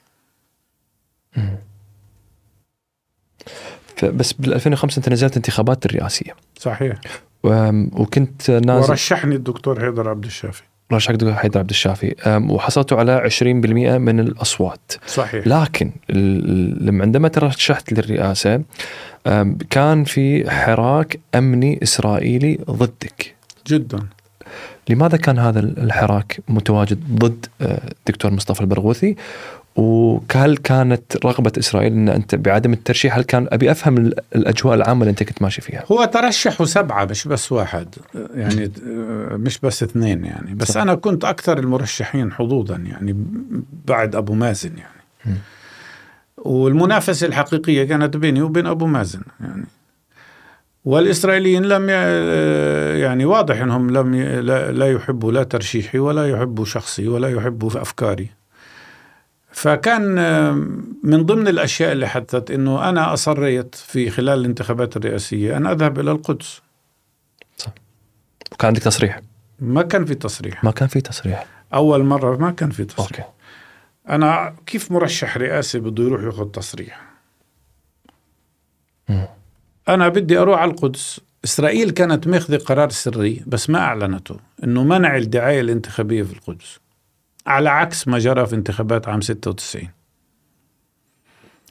ما قالوا هالشيء أنا ذهبت أول مرة للقدس بدون تصريح ومجرد ما دخلت القدس قاموا باعتقالي. وصارت مظاهرة شعبية في القدس. أنا أذكر في مدخل البلدة القديمة عند باب العمود أول ما دخلت شافوا عرفوا إني موجود فجاءوا واعتقلوني فخرج كل أهل البلدة القديمة مظاهرة تهتف ضد الإسرائيليين. وأخذوني إلى مركز التحقيق ومش عارف إيش وكذا وبعدين أبعدوني للضفة الغربية. فرجعت كمان مرة. فرجعوا اعتقلوني كمان مرة. في إحدى المرات أرسلوا لي تصريح. آه في إحدى المرات كان معي تصريح للذهاب للغزة. غزه طبعا ليش تصريح؟ لأنه لازم تمر من إسرائيل. صح. بس القدس أنا لا أعتبرها أصلا إسرائيل. صح. مش بديش تصريح. بس كان في تصريح أروح على غزة. بدك تمر من إسرائيل. طب ما هي القدس يعني تقدر تروح عليه. فأنا وأنا راجع من غزة رحت على القدس. برضو اعتقلوني. آخر مرة آه، كان جيمي كارتر جاي الرئيس الأمريكي السابق كان هو جاي يعني يرأس وفد الرقابة الدولية على الانتخابات. فطلب أن يلتقي بي في فندق في القدس اسمه ال InterContinental okay. فأرسلوا أنا ما طلبت تصريح هو اجاب تصريح أرسل لي تصريح إنه ألتقي به. فذهبت والتقيت معه. وكان في تصريح دخول للقدس. صح. مش أنا طلبته هو بعت لي. هذا قبل الانتخابات بيوم. آه قبل الانتخابات بيومين يمكن أو يومين. ثلاثة. آه فذهبت والتقيت فيه. وفي نهاية اللقاء قلت له الآن أنا ذاهب للقدس. يمكن يعتقلوني. فنزلت إلى القدس وأنا معي تصريح. وصلت إلى مدخل البلدة القديمة كانوا ينتظروني هناك المخابرات الإسرائيلية واعتقلوني بس مش اعتقلوني هاي المرة اختطفوني. لأنه ما أخذوني على مركز التحقيق مثل كل مرة إلى مج... المركز البوليس وال... وال... والجيش. أخذوني إلى بناية في القدس الغربية في basement وحشروني هناك أربع ساعات. شنو سووا؟ اختطاف لأنه اختطاف. معي تصريح قانونيا لا ما يقدر يستطيع. ما, يقدر يعتقل ما يقدر يحطني في الشر... في مركز الشرطة. إيه. فوضعوني اختطفوني اختطاف ووضعوني في ال basement هناك. هو استقصاد لك بشكل واضح. طبعا حتى يتم بعدين أبعدوني مرة أخرى للضفه الغربيه بس قبلها في عام 2002 أنا تحديتهم في كان جاي وفد أوروبي. آه، خلال الانتفاضه في كانون الثاني في 2002 أظن. في ثلاثة كانون الثاني أو شيء من هذا القبيل. فأخذت الوفد الأوروبي أربعة من البرلمان الأوروبي أو ستة ستة من أعضاء البرلمان الأوروبي وعملت مؤتمر صحفي في فندق في القدس ضد اللي بتقوم في إسرائيل. ما كان معي تصريح طبعا. م. فحاصروا الفندق. وما أن خرجت من المؤتمر الصحفي حتى اعتقلوني. فذهبوا بي إلى المسكوبية وهناك تحقيق واحتجاز وإلى آخره ورفضت طبعا أن أتعاون معهم. فأر و... و... يعني كانوا غاضبين جدا. بعدين ما فيش سر سبب قانوني يعني. فأبعدوني إلى الرام ولكن هناك أعطوا أوامر للجنود اللي على الرام أن يعيدوا اعتقالي ويعتدوا علي. اعتداء. طبعا وضربوني وكسروا ركبتي. في ذلك اليوم.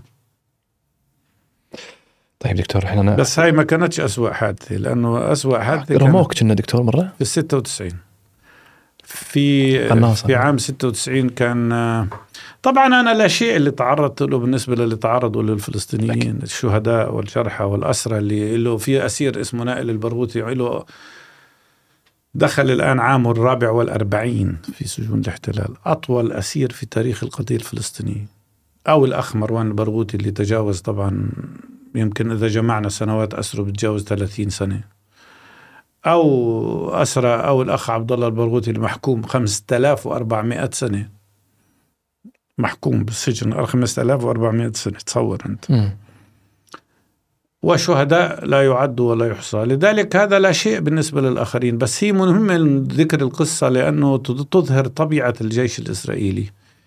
يعني أنا كنت يومها في الستة وتسعين أثناء هبة النفق كان في مظاهرة وكنا فيها وبعدين أصيب أحد الأشخاص بالرصاص وكان ينزف في الطابق الخامس فذهبت نادوني أعالجه فكنت لابس الرداء الأبيض كطبيب وذهبت لأعالجه وأنا أحاول أن أوقف النزيف رآني القناص وأطلق علي رصاص مرتين فأصبت ب في يعني لحسن الحظ يعني مرت الرصاصة بجانب الرأس يعني ولكن أنا حتى الآن عندي 36 شظية في ظهري من هذه من هذا الاعتداء. يعني هذا القناصة لا يحاسبوا شيرين أبو عاقلة قام بقتلها أيضا قناص ومع أنها تحمل الجنسية الأمريكية ولجان تحقيق وهذا. هل عوقب جندي واحد؟ إطلاقا لا. هل عوقب أحد على الجرائم الوحشية التي تجري في غزة؟ طبعا لا. طيب دكتور لو نبي نتكلم عن الانتخابات في 2005 آه، بعدها صارت الانتخابات التشريعية في 2006 صحيح.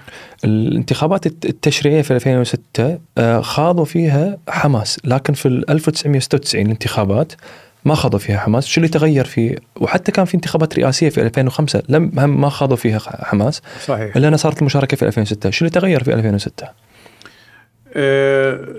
ما تغير إنه صار في اقتناع بإنه ضرورة المشاركة في الحياة السياسية عند الإخوة في حركة حماس وبالتالي شاركوا في 2006 وكما تعلم حصلوا على الأغلبية في عام 2006 هل كان متوقع الحصول الأغلبية؟ لا كثيرون لم يكونوا يتوقعوا بالتأكيد. امم التداعيات و... الأغلبية هذه دكتور. آه هو لماذا كان النظام الانتخابي ليس مثل ما هو اليوم. يعني لم يكن تمثيل نسبي كامل كان تمثيل نسبي 50% و50% مناطق.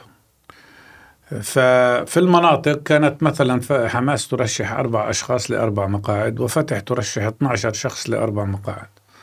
تنافس نفسها.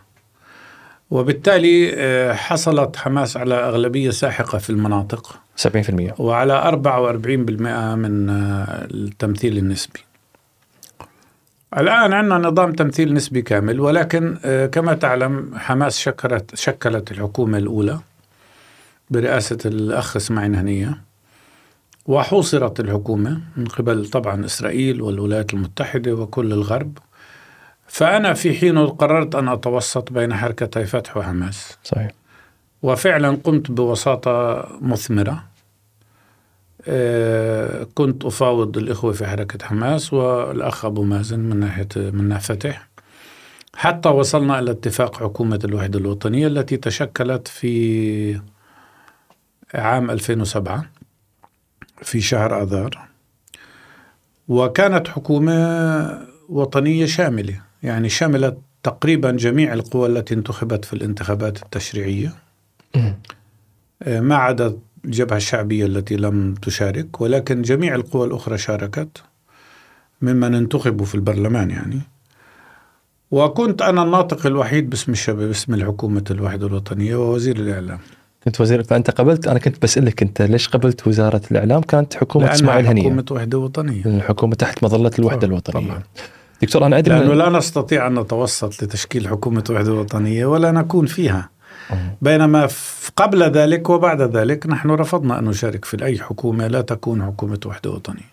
طيب دكتور ولكن للأسف رغم الوعود الكثيرة ورغم أنه برنامج حكومة الوحدة الوطنية كان برنامج معتدل واصل الغرب الحصار علينا وواصلت إسرائيل الحصار وحشرت أموال الضرائب الفلسطينية قرصنتها يعني بمعنى. وللأسف بعد 86 يوم انهارت حكومة الوحدة الوطنية. لهذا السبب ها؟ إنه ما في لها تمويل ولا لها أي نوع من الحركة. ما في. ما في تمويل ولا أي نوع من الحركة. أوقفوا التمويل أوقفوا الدخل المو... المو... الدخل السلطة انتهى. يعني الدخل الفلسطيني يتكون من الآن 90% من الدخل من الضرائب الفلسطينية يدفعوها الفلسطينيون من ضرائبهم و10% مساعدات خارجية. المساعدات الخارجية توقفت و70% من ال 90% هي ضرائب غير مباشرة تجمعها إسرائيل وتأخذ عليها عمولة 3% حسب اتفاق أوسلو. حشرتها أخذتها كما تفعل الآن بالسلطة الفلسطينية بالمناسبة.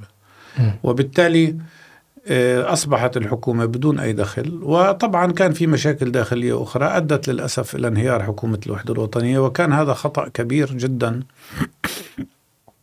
لو بقيت حكومة الوحدة الوطنية لجرت انتخابات أخرى في عام 2010 وانتخابات ثالثة في عام 2014 و2018 لكن للأسف آه، مش بس انهارت حكومة الوحدة الوطنية نشأ نوع من الانقسام فعليا.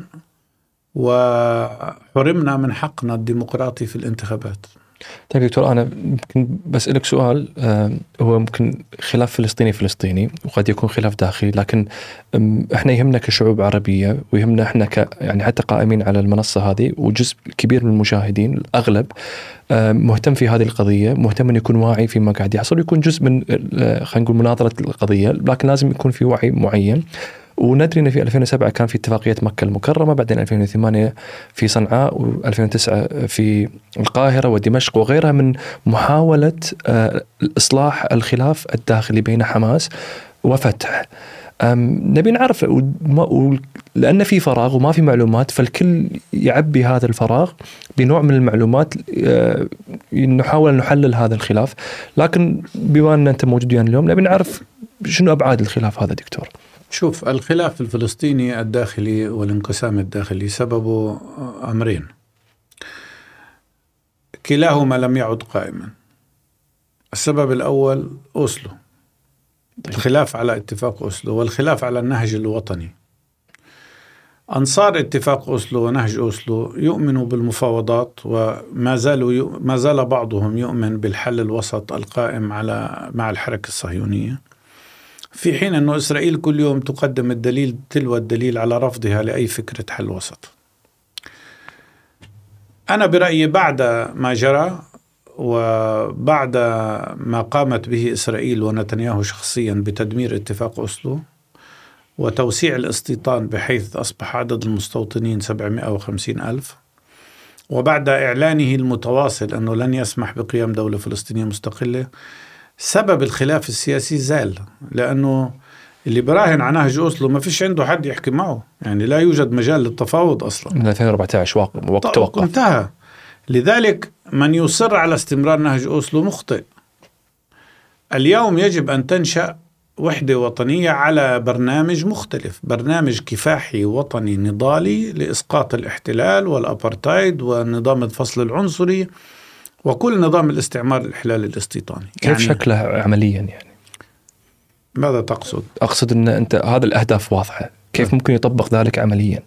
اولا لازم يصير الآن بشرح كيف م. تكون الوحدة الوطنية بس أنا في الأول خليني أشرح ليش الانقسام لم يعد له سبب تمام.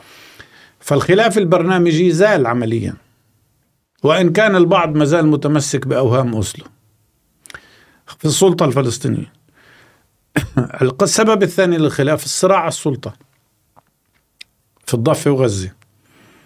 أيضا السبب هذا زال لأنه لم يعد هناك سلطة. إسرائيل أزالت كل سلطة. السلطة في الضفة أصبحت سلطة بلا سلطة وتحت الاحتلال وغزة يجري إعادة احتلالها كما نرى اليوم. لذلك عيش نختلف.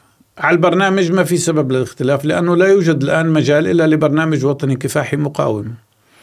وعلى السلطة أصلا لا توجد سلطة لأنه كلها تحت الاحتلال. لذلك أنا برأيي لم يعد هناك سبب لاستمرار الانقسام والآن يجب أن يتوحد الجميع في جبهة وطنية موحدة. وأقصد بذلك قيادة وطنية موحدة للفلسطينيين.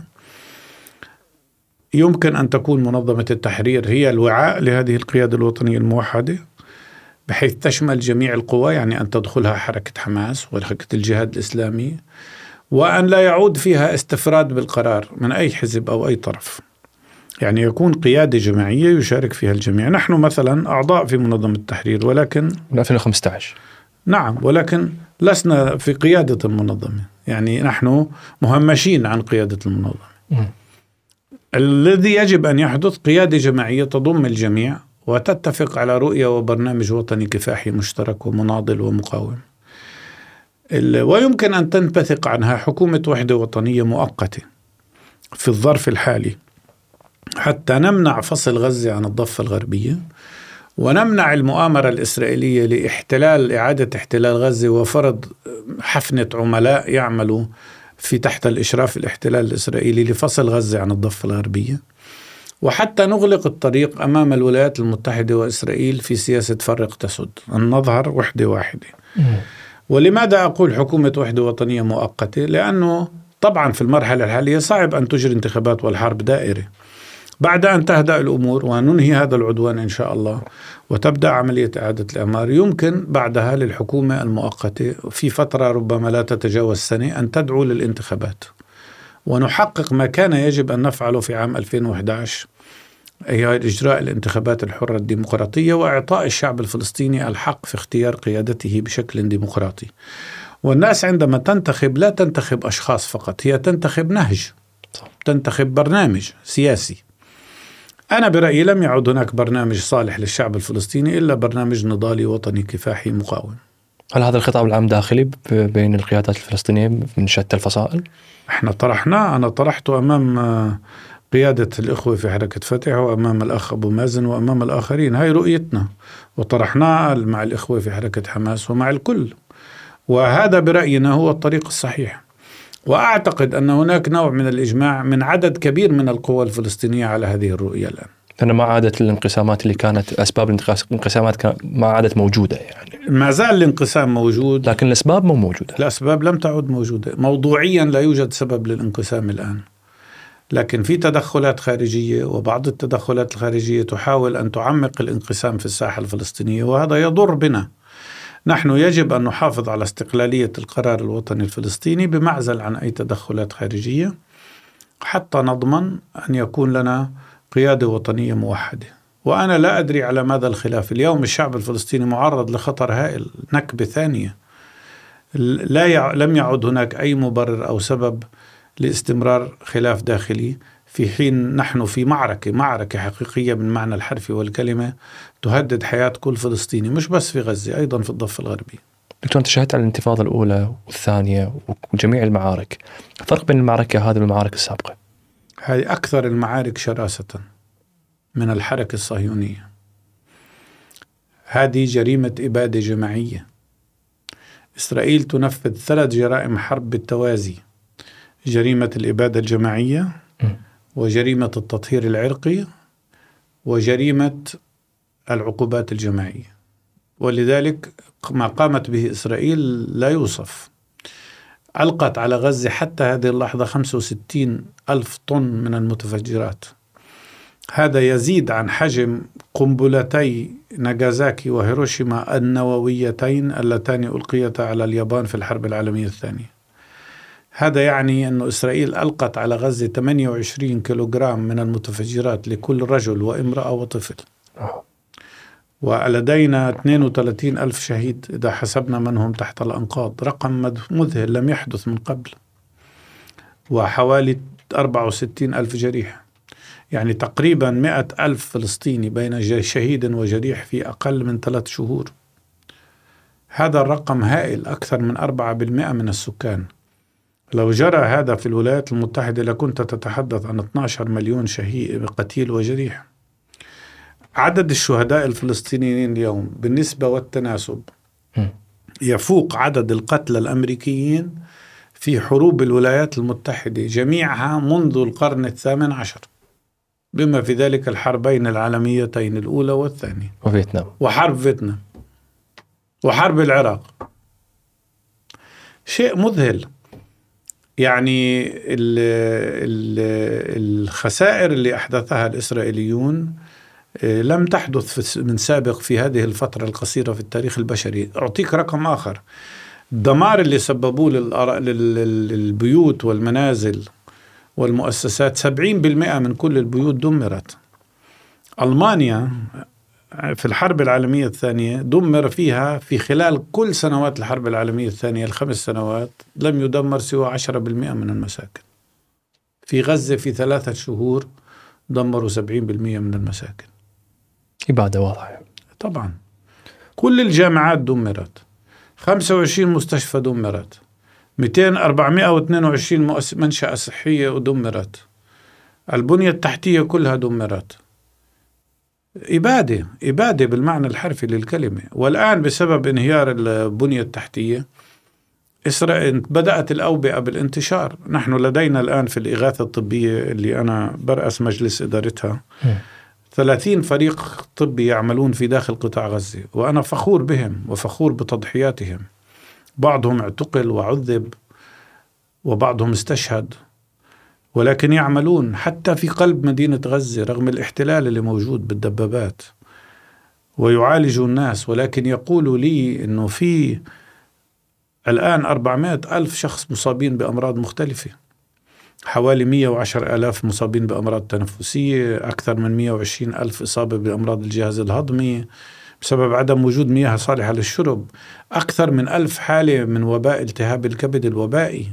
هيباتيتس و خمسين ألف إصابة بالأمراض الجلدية شيء مذهل. وقد تبدأ الآن أوبئة بالانتشار بين الأطفال.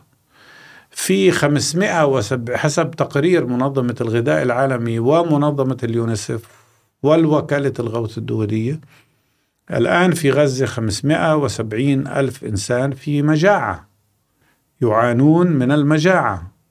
25% من سكان قطاع غزة تسعة من كل عشرة لا يأكلوا كل يوم.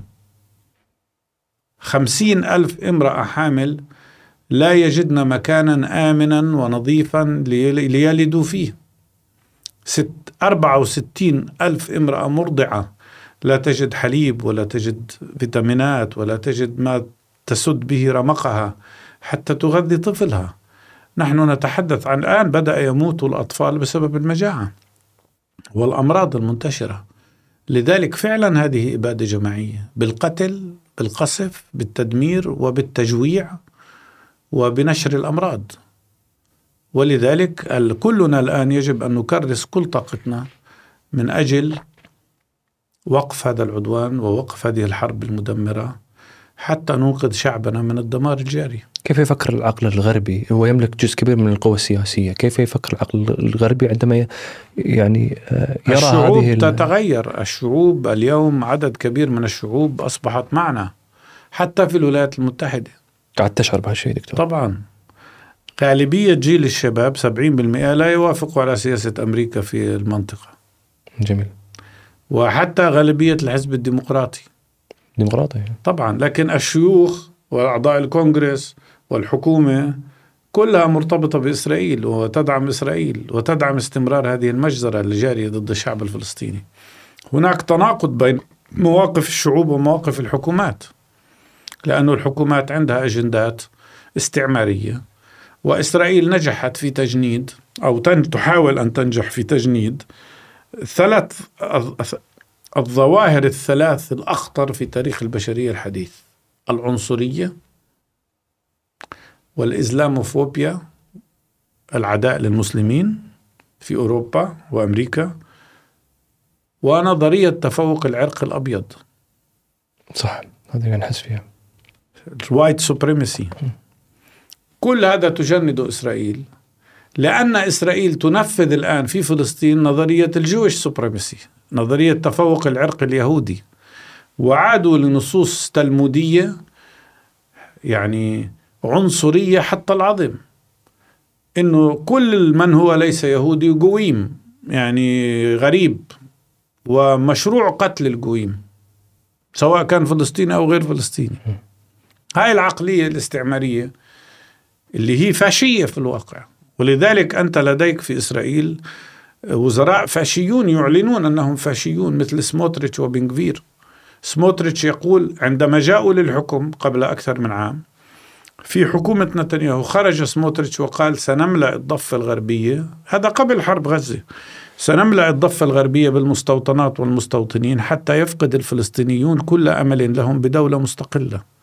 وعندها لا يكون أمام الفلسطينيين إلا واحد من ثلاثة خيارات.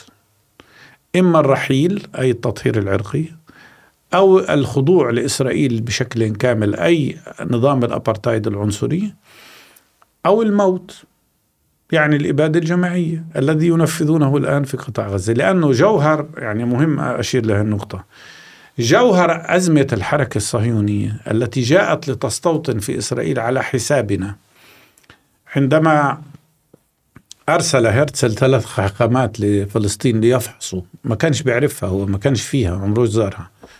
هل يمكن أن تكون وطن قومي لليهود كما وعد بال يعني بعد كما جاء في وعد بالفور؟ جاءوا لفلسطين وعدوا له له برسالة واضحة. أرسلوا له برقية قالوا له فيها العروس جميلة يعني فلسطين جميلة ولكنها متزوجة. لأنه في شعب آخر موجود. في الشعب الفلسطيني. الآن هم آه، معضلة، صحيح أنه الحركة الصهيونية استطاعت بالقوة العسكرية وبالدعم الأمريكي والبريطاني أن تستولي على الأرض بالقوة قوة السلاح ولكنها لم تستطع أن تنفذ الشق الثاني من النظرية الصهيونية وهي تهجير كل السكان. فأصبح عددنا اليوم بعد تهجير 70% منا ومع وجود سبع ملايين لاجئ في خارج فلسطين اليوم نحن كفلسطينيين عددنا على أرض فلسطين التاريخية أكثر من عدد اليهود الإسرائيليين. كيف يحل المعضلة؟ بدهم مش حل دولتين وبدهم مش حل دولة واحدة. شو ضل؟ إبادة الإبادة الجماعية والتطهير العرقي. هذا ما تقوم به إسرائيل الآن.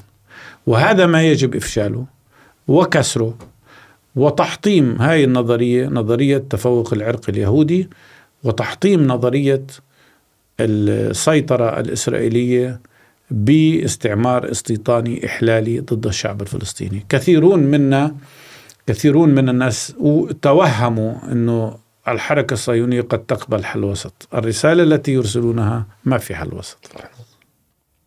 في 7 أكتوبر في ناس في اتجاهين دكتور في 7 أكتوبر. في اتجاه يلوم حماس وليش عملتوا هيك وهذه يضر في القضية وكذا. وفي اتجاه ثاني إن هذه مسألة وقت لأن أنت ما تقدر تحكر ناس في سجن وتنتظر منهم حل سلمي بشكل أو بآخر. شنو رأيك انت في اولا أخطر شيء وأسوأ شيء في الدنيا أن تلوم الضحية. صح. يعني إذا امرأة اغتصبت تلوم المرأة المغتصبة. إذا شعب احتل تلوم الشعب الذي تعرض للاحتلال. واليوم تمارس ضدنا الإبادة الجماعية ويلام الفلسطينيون هذا كلام مرفوض عقلية مرفوضة. بس غير ذلك لنتذكر ما الذي كان يجري قبل 7 أكتوبر والذي أدى إلى 7 أكتوبر. الذي كان يجري اعتداءات بالجملة في الضفة الغربية على الفلسطينيين. كان عندنا 240 شهيد قبل أن يبدأ 7 أكتوبر. منهم 40 طفل قتلهم المستوطنون وجيش الاحتلال. كانت إسرائيل تعتدي في القدس على كل المقدسات الإسلامية والمسيحية. كانوا يبصقون على رجال الدين المسيحيين أمام الكنائس. وكانوا يعتدون على المسجد الأقصى ليل نهار وبدأوا في مرحلة تهويد المسجد الأقصى بإقامة صلوات تلمودية داخل المسجد الأقصى. وكانوا يمارسوا بالإضافة إلى كل ذلك توسع استيطاني لا مثيل له. بصورة غير مسبوقة. وفوق ذلك كانت غزة محاصرة إلها 17 إلها من عام 2006 يعني 17 عام. جيل كامل جيلين ثلاث فيش كهرباء إلا ست ساعات في اليوم. فيش 95% من المياه غير صالحة للشرب. 80% آه، من الشباب المتعلمين عاطلين عن العمل. 70% من سكان قطاع غزة تحت خط الفقر. وحصار يتحكم في ما يدخل وما لا يدخل. وإسرائيل تحتل غزة بطريقة مختلفة. تحاصر كل الممر المعابر وتحاصر البحر وتحاصر الجو وتحاصر حتى المجال الكهرومغناطيسي. يعني يعني يعني في الضفة في 3 جي في غزة فيش. غزة كانت سجن كبير. كما قال أحد الكتاب الإسرائيليين إيلان بابي قال هذا كتب كتاب اسمه السجن الأكبر في التاريخ. غزة كلها كانت عبارة عن سجن مغلق والناس انفجرت. لم تعد تستطيع أن تحتمل. هل تلوم شعب على أنه يثور على الظلم؟ هل في التاريخ المكتوب بلوم سبارتاكوس سبارتاك على أنه قام بثورة العبيد ضد الإمبراطورية الرومانية. هل يلام شعب الجزائر على أنه تمرد على الاستعمار الفرنسي؟ هل يلام شعب الهند اللي احتلته بريطانيا 236 سنة على أنه تمرد على الاحتلال البريطاني غاندي وقاد ثورة ضد ضد الاستعمار البريطاني؟ لماذا نلام نحن؟ هل يلوم اليوم أحد اليوم شعب جنوب إفريقيا على أنه تمرد على نظام الابارتايد العنصري؟ أو شعب فيتنام على أنه تمرد على العدوان الأمريكي وقبله الفرنسي؟ لماذا نلام نحن كفلسطينيين على ثورتنا على احتلال اضطهد إنسانيتنا لأكثر من مئة عام؟ لو بنفكر بس في آفاق المستقبل دكتور والحين إحنا للحين مو واضح أنا بالنسبة لي شنو رأيك في موضوع الحل الدولة ولا الدولتين ولا ولا لم الشمل في البداية؟ أنا بفهم الحين آفاق المستقبل. أنا بدي أول شيء وحدة الفلسطينيين. على برنامج واحد مشترك وموحد وإنهاء الانقسام القائم وتوحيد الصف الوطني على برنامج وطني كفاحي مقاوم. وبالنسبة لحل الدولتين أنا كتبت مقال في 15 أيار من العام الماضي في الذكرى ال 75 للنكبة. قلت فيه أنه إسرائيل قتلت حل الدولتين. والحل هو دولة واحدة ديمقراطية يتساوى فيها الناس في الحقوق والواجبات. اليوم إسرائيل لا تريد حل دولتين ولا تريد حل دولة واحدة. طبعا. لذلك أعود فأقول أنه الحل لن يكون إلا بإنهاء طابع الاستعمار الاستيطاني الإحلالي الإسرائيلي. شكرا على قبولك الدعوة دكتور وشكرا على حضورك وشكرا نيرة على الإعداد. نشوفك إن شاء الله على خير. واهلا وسهلا في بلدك الكويت. ونورتنا وشرفتنا وأنا ما بقدر أنهي بدون أن أوجه الشكر للشعب الكويتي وللحكومة الكويتية على دعمهم الرائع والمطلق للشعب الفلسطيني في نضاله العادل. ووقوفكم إلى جانبنا بكل ما تستطيعون. هذا شيء آه، سنذكره إلى الأبد. وهذا شيء تاريخي يجب أن يقال بكل وضوح. ونحن نقارن مواقف الناس ومواقف الدول ونفتخر ونعتز بموقف الكويت. أقل من قدركم وهذا حق وواجب وما في شكر دكتور. شكرا لك. الله يسلمك.